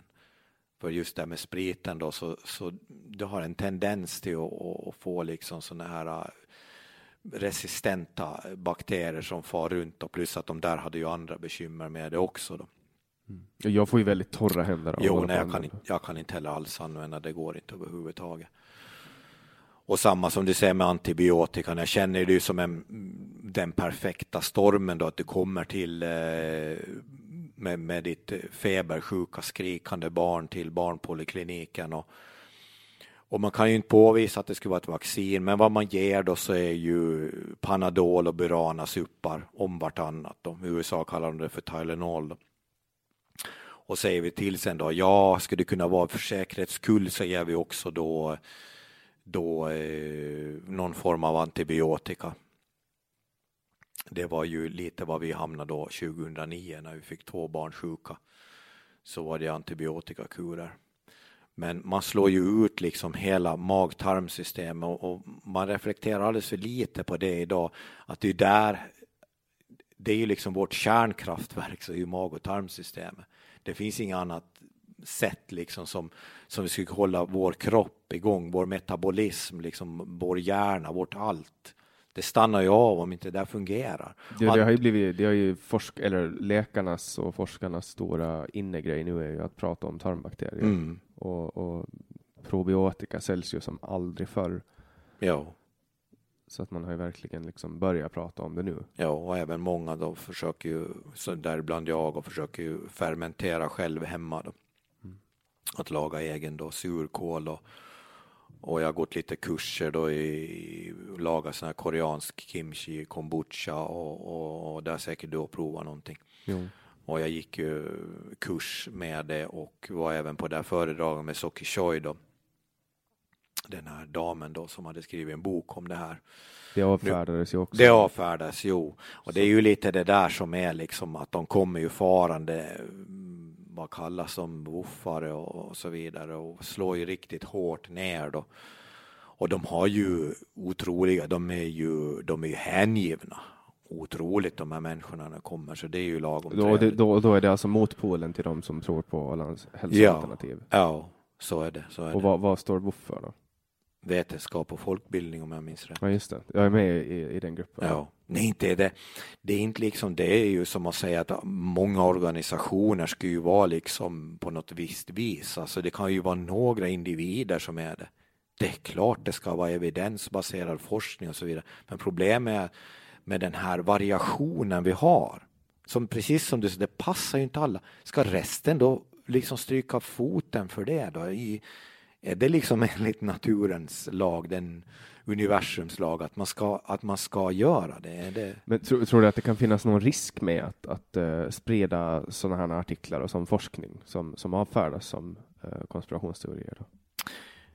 var och en får ju välja.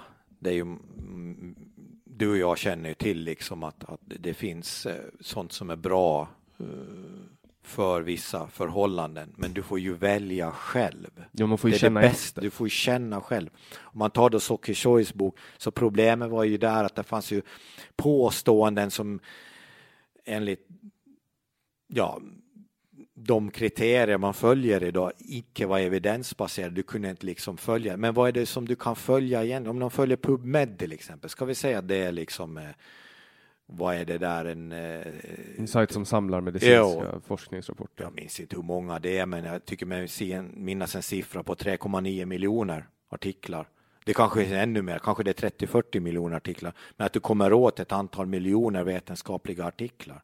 Men det kostar att göra den här utforskningen. Och du vet ju ett av mina uttryck. Den som betalar musiken bestämmer melodin. Mm. Det är ofrånkomligt. Övriga konspirationsteorier då? Tror du på, på judarnas eh, bankherravälde?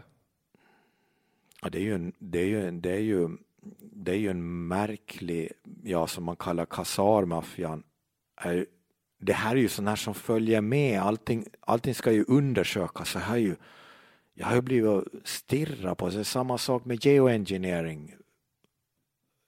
Att man sprayar från flygplan eh, liksom över oss på något vis och försöker skapa en form av inversionsskikt och ändra klimat. Och... Vad, vad, tror du om de sakerna? Eh, jag har tagit bilder på det och jag blir och funderar.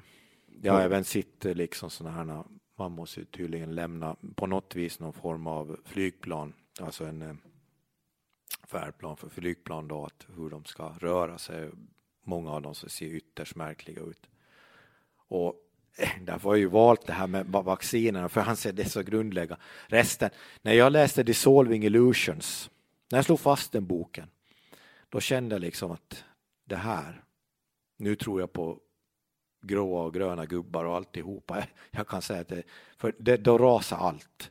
Men när där läser jag om läkare som får frågan att varför ska du laga ett mässlingsvaccin när du vet vilket helvete det kan ställa till med. Du ser nu vilket helvete det gör. Läkaren svarar.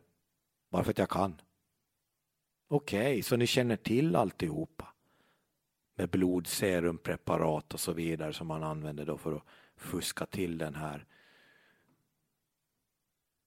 att du får den här diagnosen att du är immun mot mässlingen och så vidare. Vilka fruktansvärda Och man vet om det. Alltså man ser ju det själv. Jag vill backa lite till, ja. till det här med chemtrails. Mm. För, för att för mig så känns det mycket osannolikt att, att, att någon överstatlig eller statlig organisation på ett internationellt plan ska kunna placera eh, giftsystem och upprätthålla och tanka och fylla och producera och manövrera de här utan att flygbolagen och, och piloterna och flygplansmekanikerna känner till det. Mm.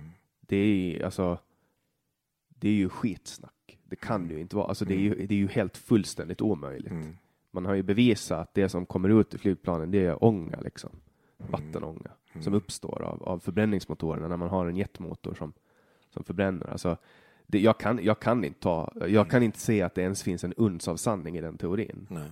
Där går liksom alla de här övriga teorierna, alltså så, så vet jag att att det kanske finns saker som är värda att ifrågasätta. Det, kan, det är aldrig så omfattande som någon påstår att, att uh, judarna styr hela världsekonomin och att det är mm. Rothschild-familjen som äger uh, Federal Reserve och, och styr världen etc.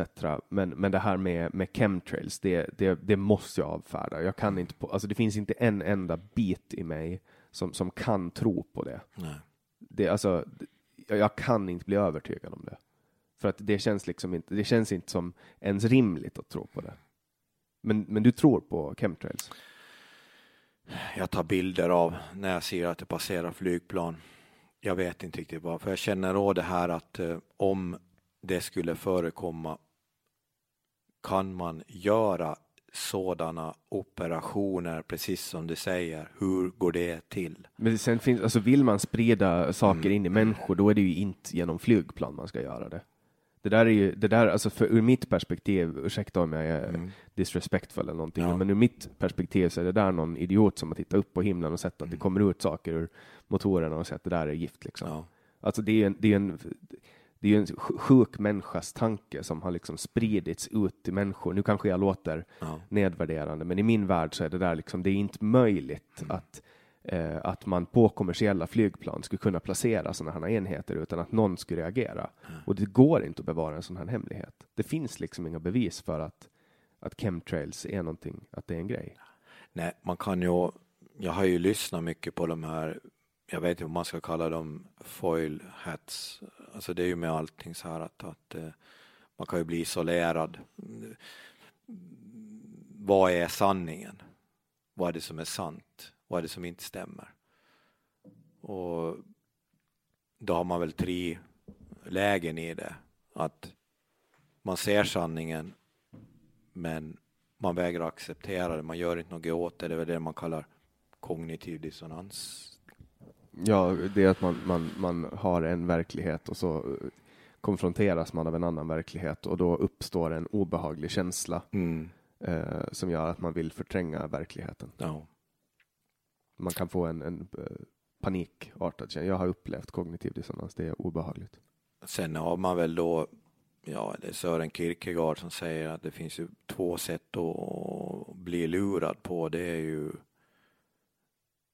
att tro på det som inte stämmer.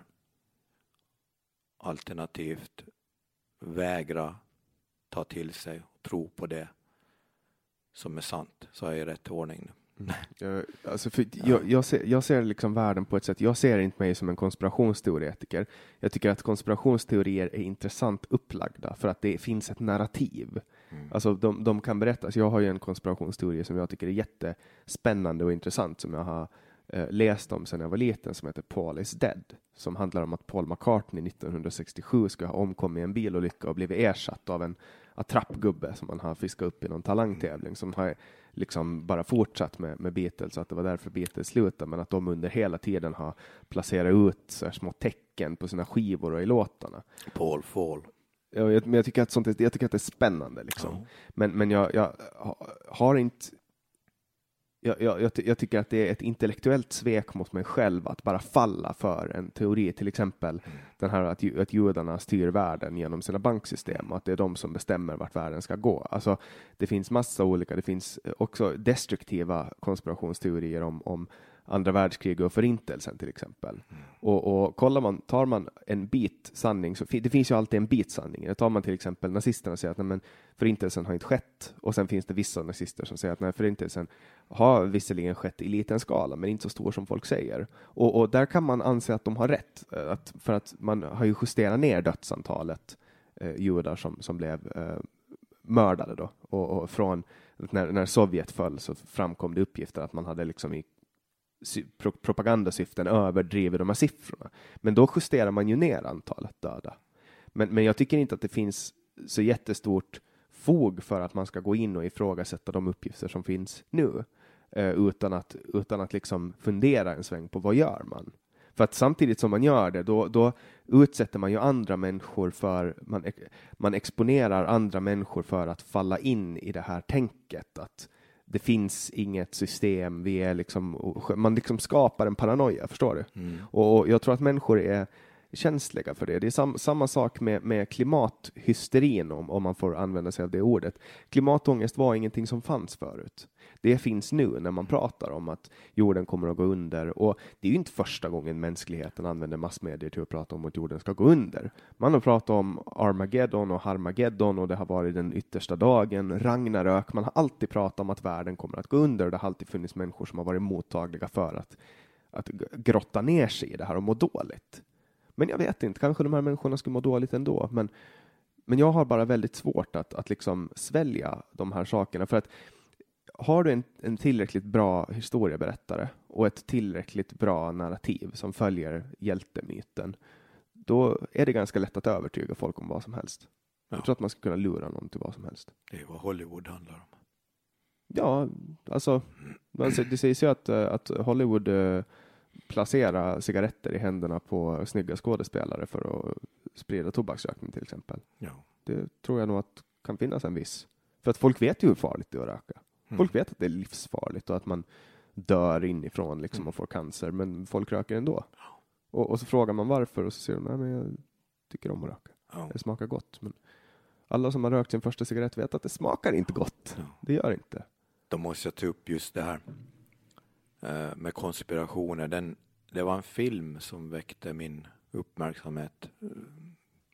Allt det här processen för vår familj så startades upp 2013. Då gick min far bort den 2 september. Och eh, jag kände då har jag fått nog. Jag skulle reda upp ett, ett dödsbo som var fullt med fullmakter. Jag ansåg jag att hans liv har blivit kidnappat. Det får ju stå för mig. Men... Och då fick jag nog. Det var också då jag tog yngste sonen ur skolan. Nu får det räcka med att trampa på vår familj. Liksom vi är ingen jävla dörrmatta rent ut sagt. Sommaren 2014 så mm, det börjar kännas av när man går emot strömmen hela tiden. Jag var ganska utmattad. Då blev jag se på en film som heter Zeitgeist. Jag tror han heter Peter Jacobs eller om det var en sån här eh, påhittat namn, det vet jag inte. Men filmen i sig var ju intressant för den tog ju upp det här med eh, vad tror vi på? Vad är det som, eh, vad är vår livsåskådning, religion och så vidare. Och då dök ju det här upp med att vi har någon form av astroteologisk eh, världsåskådningsbild som är byggt på solens rörelser, månens rörelser, stjärnornas rörelser över himlavalvet. Och att allt det här liksom hänger ihop med korset och, och så vidare och så vidare. Att eh, i det här då så, så tänkte jag, men om, man, om det här är liksom, man här är en, ända sedan egyptiernas tid då, med Isis och eh, alla de här eh, gudarna runt då, vad heter den här falkguden och, och den här Set, eh, Horus heter den ju, som far över himlavalvet i form av solen och eh, Osiris som är då fadern i det hela och Set då som är dödsguden då som vakar i underjorden och att det där när man börjar se efter då så ser man ju liksom att att om man sen vill kalla eh, Jesus då någon form av um, vad heter det nu, en gestaltning av något slag så, så hänger det ihop. Att det finns hur många som helst. Och det här har man trott på stenhårt, att det var ju som straff, liksom dödsstraff om man hädar mot de här. Och i det här då så, så börjar jag ju fundera, men hur hänger det ihop då liksom om det här är eh, zeitgeist, en, en, en, någonting som följer i tiden, hur är det med resten av sakerna egentligen. Och det här är ju ganska utmattande för det, det, det börjar ju liksom för mig så jag blev, då började jag titta och att vad är det som händer? Och, och då kom det ju fram sådana här till slut som Ole Dammegård då, Light on Conspiracies. Och då har du det False Flag Operations, någonting som tydligen har förekommit åtminstone sedan romarnas tid med Julius Caesar och och hur man liksom eh, spred tvister då mellan befolkningsgrupper känner vi igen det någonstans ifrån. Mm. Och det var planerat då för att du skulle kunna själv ligga i bakgrunden i försåt och ta över sen när de här har kämpat tillräckligt, när du har skapat opposition, förvirra människor, så kommer du in, ja enligt de heter det hegeliska principer, kaos, förvirring, en möjlighet, opportunity, eller om man säger då problemreaktion, lösning. Kommer man in med en enkel lösning ja, så tilltalar ja, många och så ja, tar man ja, över staten ja. och så anskaffar man sin familj stora rikedomar och så lever man i en överflödig orgie med sex och mat Ja, precis. Ja. och maktutövande.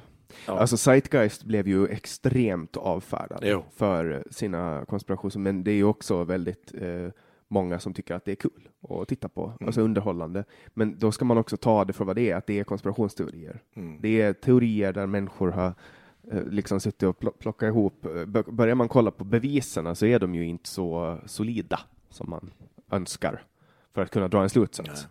För det är ju klart att det händer saker inom, alltså mycket i Zeitgeist handlar ju om, för jag har sett dem, handlar ju om, om ekonomin, att den är styrd ja. På- Fiat. ja, fiat currency och hela den biten. Och där, det är ju, alltså, det finns ingen enkel lösning på de här sakerna. Det de säger att det kommer att, och allt kommer att kollapsa. Allt är en bluff liksom. Mm. Men, men, alltså, en konspirationsteori är en konspirationsteori. Och jag tycker Mm. att konspirationsteorier ska hållas för vad de är, alltså de Ja. är underhållande. Mm. Sen finns det ju konspirationsteorier som visar sig vara sanna. Ja. Alltså det finns saker som händer, men folk är inte alltid intresserade av att veta. Alltså alla tycker inte att det är lika. Säg att, säg att jag upptäcker att, att någon har, ja, men jag hittar en lösning på Palmemordet till exempel. Och, och, och, jag är helt säker på att det måste vara så här. Jag sitter och läser alla bevis som finns offentligt och som alla har hållit på med i alla år och så hittar jag ett spår som jag tycker är intressant. Alltså, börjar jag springa runt och slå det i huvudet på folk på gatan, de flesta skiter i det. De flesta bryr sig inte. Och det är samma sak om, om en orättvisa upptäcks inom myndighetsutövning, att ja, det är helt fruktansvärt, den här socialsekreteraren har kidnappat ett barn. Eh, då är det så här, folk, folk bryr sig inte. Det är, så här, det är säkert en idiot som, som hittar på. Alltså, sist och slutligen så, så, så, så står ju det här systemet på att vi litar på att systemet ska funka. Och det finns alltid flera människor som litar på att systemet funkar eh, än vad det finns människor som säger att systemet är genomkorrupt och ruttet. För om, om det skulle finnas en majoritet som sa att systemet inte funkar, då skulle ju systemet rasa. Majoritet handlar det om, ja. Som ensam person blir du lätt benämnd, eller man vill man vill säga eller antyda rättshaverist. Mm. Att du har ingen chans liksom. Det, det, du, du strider mot alla förordningar som finns. Att du har inte, ingen möjlighet. Och många tror ju, många har jag märkt med, med just ordet rättshaverist, att Eh, många tror att det handlar om någon som vill att samhället att, att ska falla och, och raseras, att, det, att man vill att det ska haverera, men det har ingenting med det att göra, utan det har att göra med en människa som vill ha rätt, en rättshaverist. Eh, men, men många tror att en rättshaverist är någon som håller på att försöka rasera, få samhället att haverera, men, men där är... Nej, jag tror att det, man säger ju man säger ett uttryck om en konspirationsteoretiker att, att det, det uttrycket i sig är uppfunnet av eh, Central Intelligence Agency då för att just ge, kategorisera den här gruppen människor som ställer sig upp och säger hur den nu må vara om det som jag ser då för att man är av nöd och hävd så illa tvungen och måste ställa sig upp och säga nu räcker det, nu är det så här. För det vet jag ju själv när jag har gått emot systemet att eh, man kommer ju ingen vart. Och det går inte heller att acceptera det och låta det vara. Det går inte heller. Det är aldrig kul att, att ha folk emot sig. Alltså det där var ett, ett, bra exempel på det när, när jag gick ut med att jag vill lägga ner public service. Det var ju inte populärt. Jag fick ju, jag fick ju uh, alla emot mig. Eller inte alla, men väldigt många emot mig. Folk du, lyft, du lyfte fram det. Ja, men folk var så här, du är ju helt jävla dum i huvudet. Nu ska du liksom riva ner vår demokratiska pelare. Och då ifrågasätter jag med den här pelaren. Men, men alltså så mycket eh, privat, så jävlar vad folk blev arga. Mm. För att det är ju inte, alltså, för att folk, man, det var en reaktion så här att du får inte gå emot det här. Nej. Gå inte emot det, ifrågasätt inte det här. Det här ska vi låta vara. Eh, och det är lite annorlunda för att folk tog, många tog ju mig på allvar när jag lyfte ja. upp den, för de visste att jag var allvarlig. Men ja. sen var det ju också folk som försökte avfärda mig, speciellt de som, som använder public service till sin fördel. Ja. Eh, var liksom så här att ja, men han vill bara ha uppmärksamhet. Att det, han säger bara så här för att få uppmärksamhet, han tycker inte egentligen. Och, och, så försökte de säga att det var marknadsföring för den här podden och att det var marknadsföring för min politik, snarare än att se det för vad det är, en människa som ifrågasätter det etablerade. Ja. Men, men det är mycket lättare att ifrågasätta en sån institution än, än att ifrågasätta för mig ett vaccin. Mm. För jag vet inte hur Nej. ett vaccin fungerar, för jag är inte medicinskt skolad. Så och även om man är medicinskt skolad så kanske man inte har den spetskompetens och erfarenhet som krävs för att, eller den data, framförallt mm. den data. Det är mycket lättare att, att klanka ner och, och, och kritisera en, en, en, institution som är öppen, mm. vilket Ålands Radio är. Uh, och det baserar också sig på ett gemensamt beslut. Nu vet jag inte, vem, vem är det som har beslutat att man ska vaccinera? Vem är det som godkänner vacciner? Det är sånt som man inte vet och då uppstår ju de här frågorna och tankarna och funderingarna på att ja, man kanske det sitter ondsinta, behornade judar som sitter på alla våra pengar och bestämmer att vi ska vaccineras och kanske det är de som skickar upp alla de här eh, flygplanen som ska släppa ut gift över oss som ska döda oss. Kanske allting var en iscensättning och kanske vi lever i en alternativ verklighet. Sen bara spårar det iväg. Mm. Alltså. Mm. Det är ju det här jättegamla uttrycket sanning och konsekvens. Jag ser det uppenbart liksom i, i, i mitt liv, i min familjs liv. Så ser jag ju konsekvenserna. Och så börjar jag söka sanningen. Och det uppfattar jag att du gjorde också när du började ifrågasätta public service vara eller icke vara. För det har också jag gjort. Jag, jag tycker ju att det är en ganska rimlig sak att ifrågasätta. Jag tycker inte att vacciner är en rimlig sak att ifrågasätta. Mm. Men, men, men det är ju kanske för att jag inte har en sån personlig anknytning till Nej. det som dig. Om, om jag skulle få ett barn som reagerar, alltså, som reagerar på ett vaccin och blev jättesjuk så kanske jag mm. Det, var ju, det sägs ju att folk har fått narkolepsi av svininfluensavaccinet. Då kanske jag skulle gå runt och, och, försöka slå folk i huvudet med papper som säger att kolla här, kolla här. Och så skulle jag känna mig missförstådd och det skulle mm. leda till ett djupare agg. Men, men det här med public service är liksom, det är ju helt öppet någonting som, som det är ju en dockteater liksom. Mm. De, de förstör konkurrensen på marknaden, de utnyttjar att, att uh, det kommer hit, alltså de privata tidningarna uh, rekryterar använder sina resurser och sin tid på att rekrytera journalister utifrån, lär upp dem i det åländska samhället och sen kommer Ålands Radio inrullande och ger dem högre lön och bara helt oschysst bara tar in dem och säger att nej men vi är sanningen. Ja. Alltså alla människor som påstår att de är sanningen, de ska man passa sig för, tror jag. Mm. Uh, för att ingen är, ingen kan vara sanningen i en, i en objektiv uh, verklighet så, så finns det inga absolut, men det är ju en djupare filosofisk diskussion. Ja, det det är ju, det är ju liksom eh, sanningen är ju, är ju det som, ja, som sägs enligt Bibeln, som ska ju göra oss fria. Uh, man behöver ju inte dra till med någonting, behöver inte ställa till med någonting om man bara kan visa vad är sanningen. Vad det, det, det är det här som, som är sant, det är det här som, som föreligger. Det, det, det som jag känner liksom, man säger men så här är det nu, så här har det gått och vi har gjort som ni har sagt och det fungerar inte. Då är det ju inte sant. Jo, vi säger fortfarande att det är sant. Det, det är så här. Det är bara ni.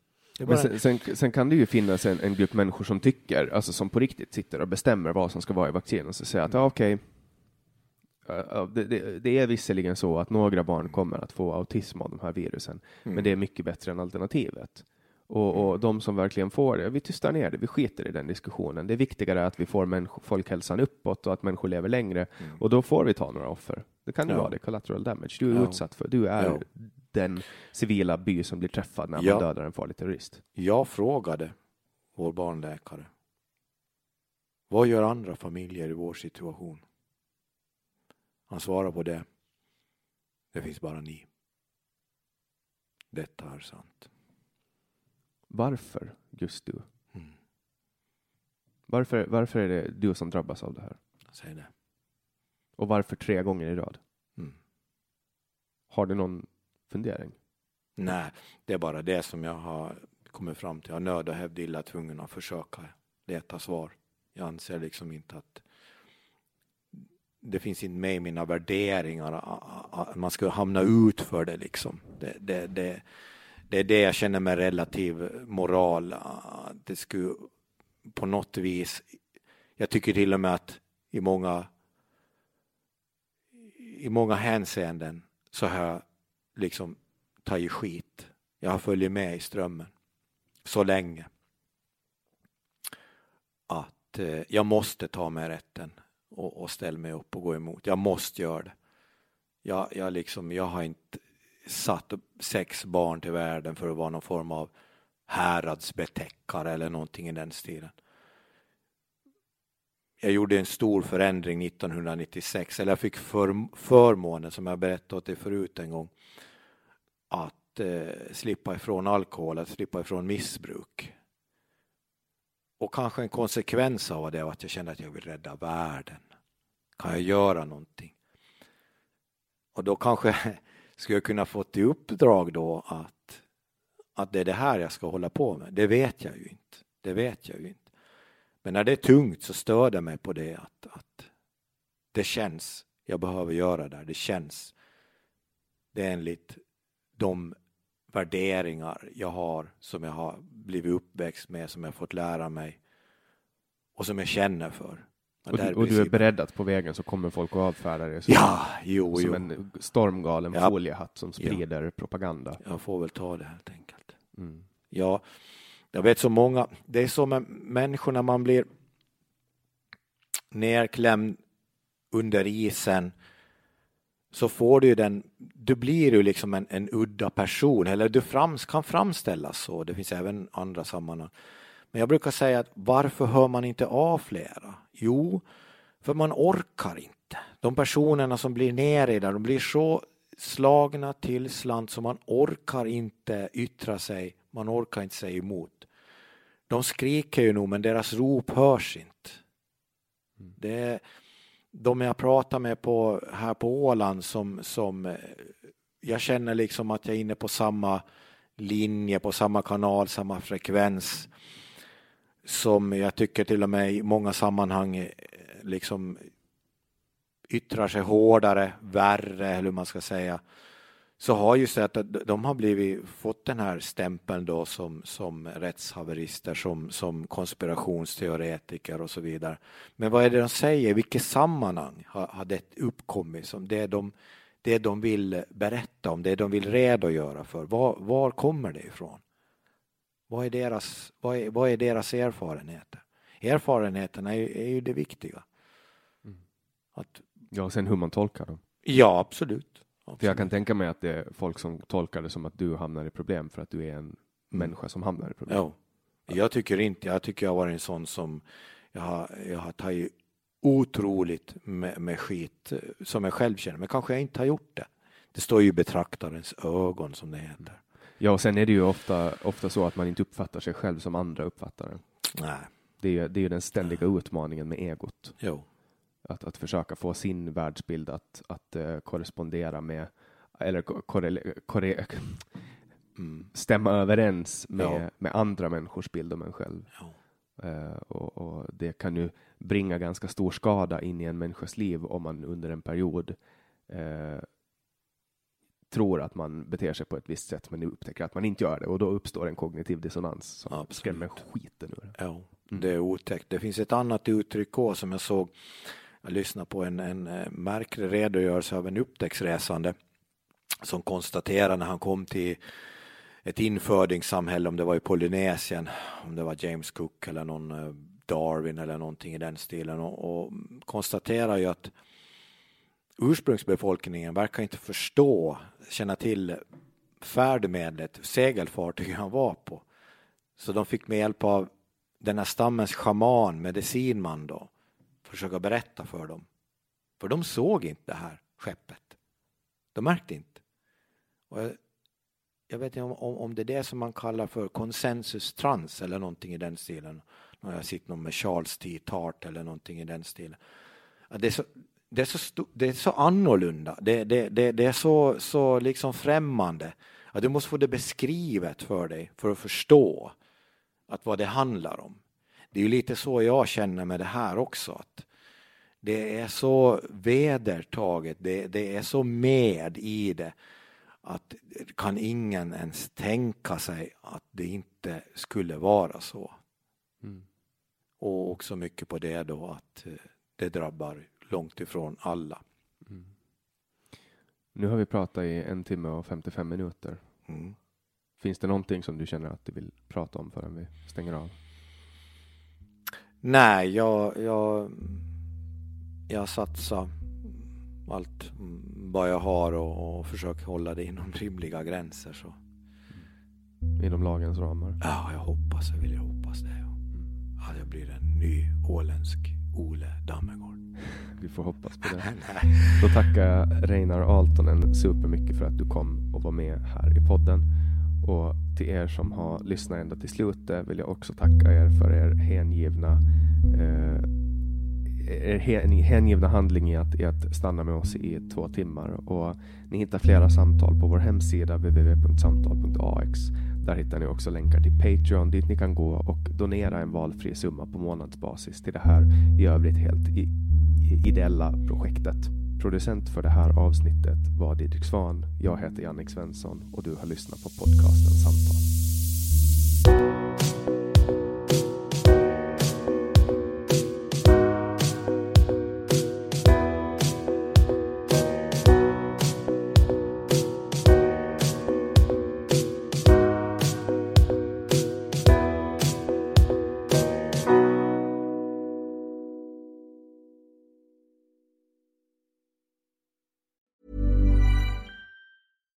Deserves the best, and there's no better place to shop for Mother's Day than Whole Foods Market. They're your destination for unbeatable savings, from premium gifts to show-stopping flowers and irresistible desserts. Start by saving 33% with Prime on all body care and candles. Then get a 15-stem bunch of tulips for just $9.99 each with Prime. Round out Mom's menu with festive rosé, irresistible berry chantilly cake, and more special treats. Come celebrate Mother's Day at Whole Foods Market. Planning for your next trip? Elevate your travel style with Quince. Quince has all the jet setting essentials you'll want for your next getaway, like European linen, premium luggage options, buttery soft Italian leather bags, and so much more. And it's all priced at 50 to 80% less than similar brands. Plus, Quince only works with factories that use safe and ethical manufacturing practices. Pack your bags with high-quality essentials you'll be wearing for vacations to come with Quince. Go to quince.com slash trip for free shipping and 365-day returns. Planning for your next trip? Elevate your travel style with Quince. Quince has all the jet-setting essentials you'll want for your next getaway, like European linen, premium luggage options, buttery soft Italian leather bags, and so much more. And is all priced at 50 to 80% less than similar brands. Plus, Quince only works with factories that use safe and ethical manufacturing practices. Pack your bags with high-quality essentials you'll be wearing for vacations to come with Quince. Go to quince.com/pack for free shipping and 365-day returns.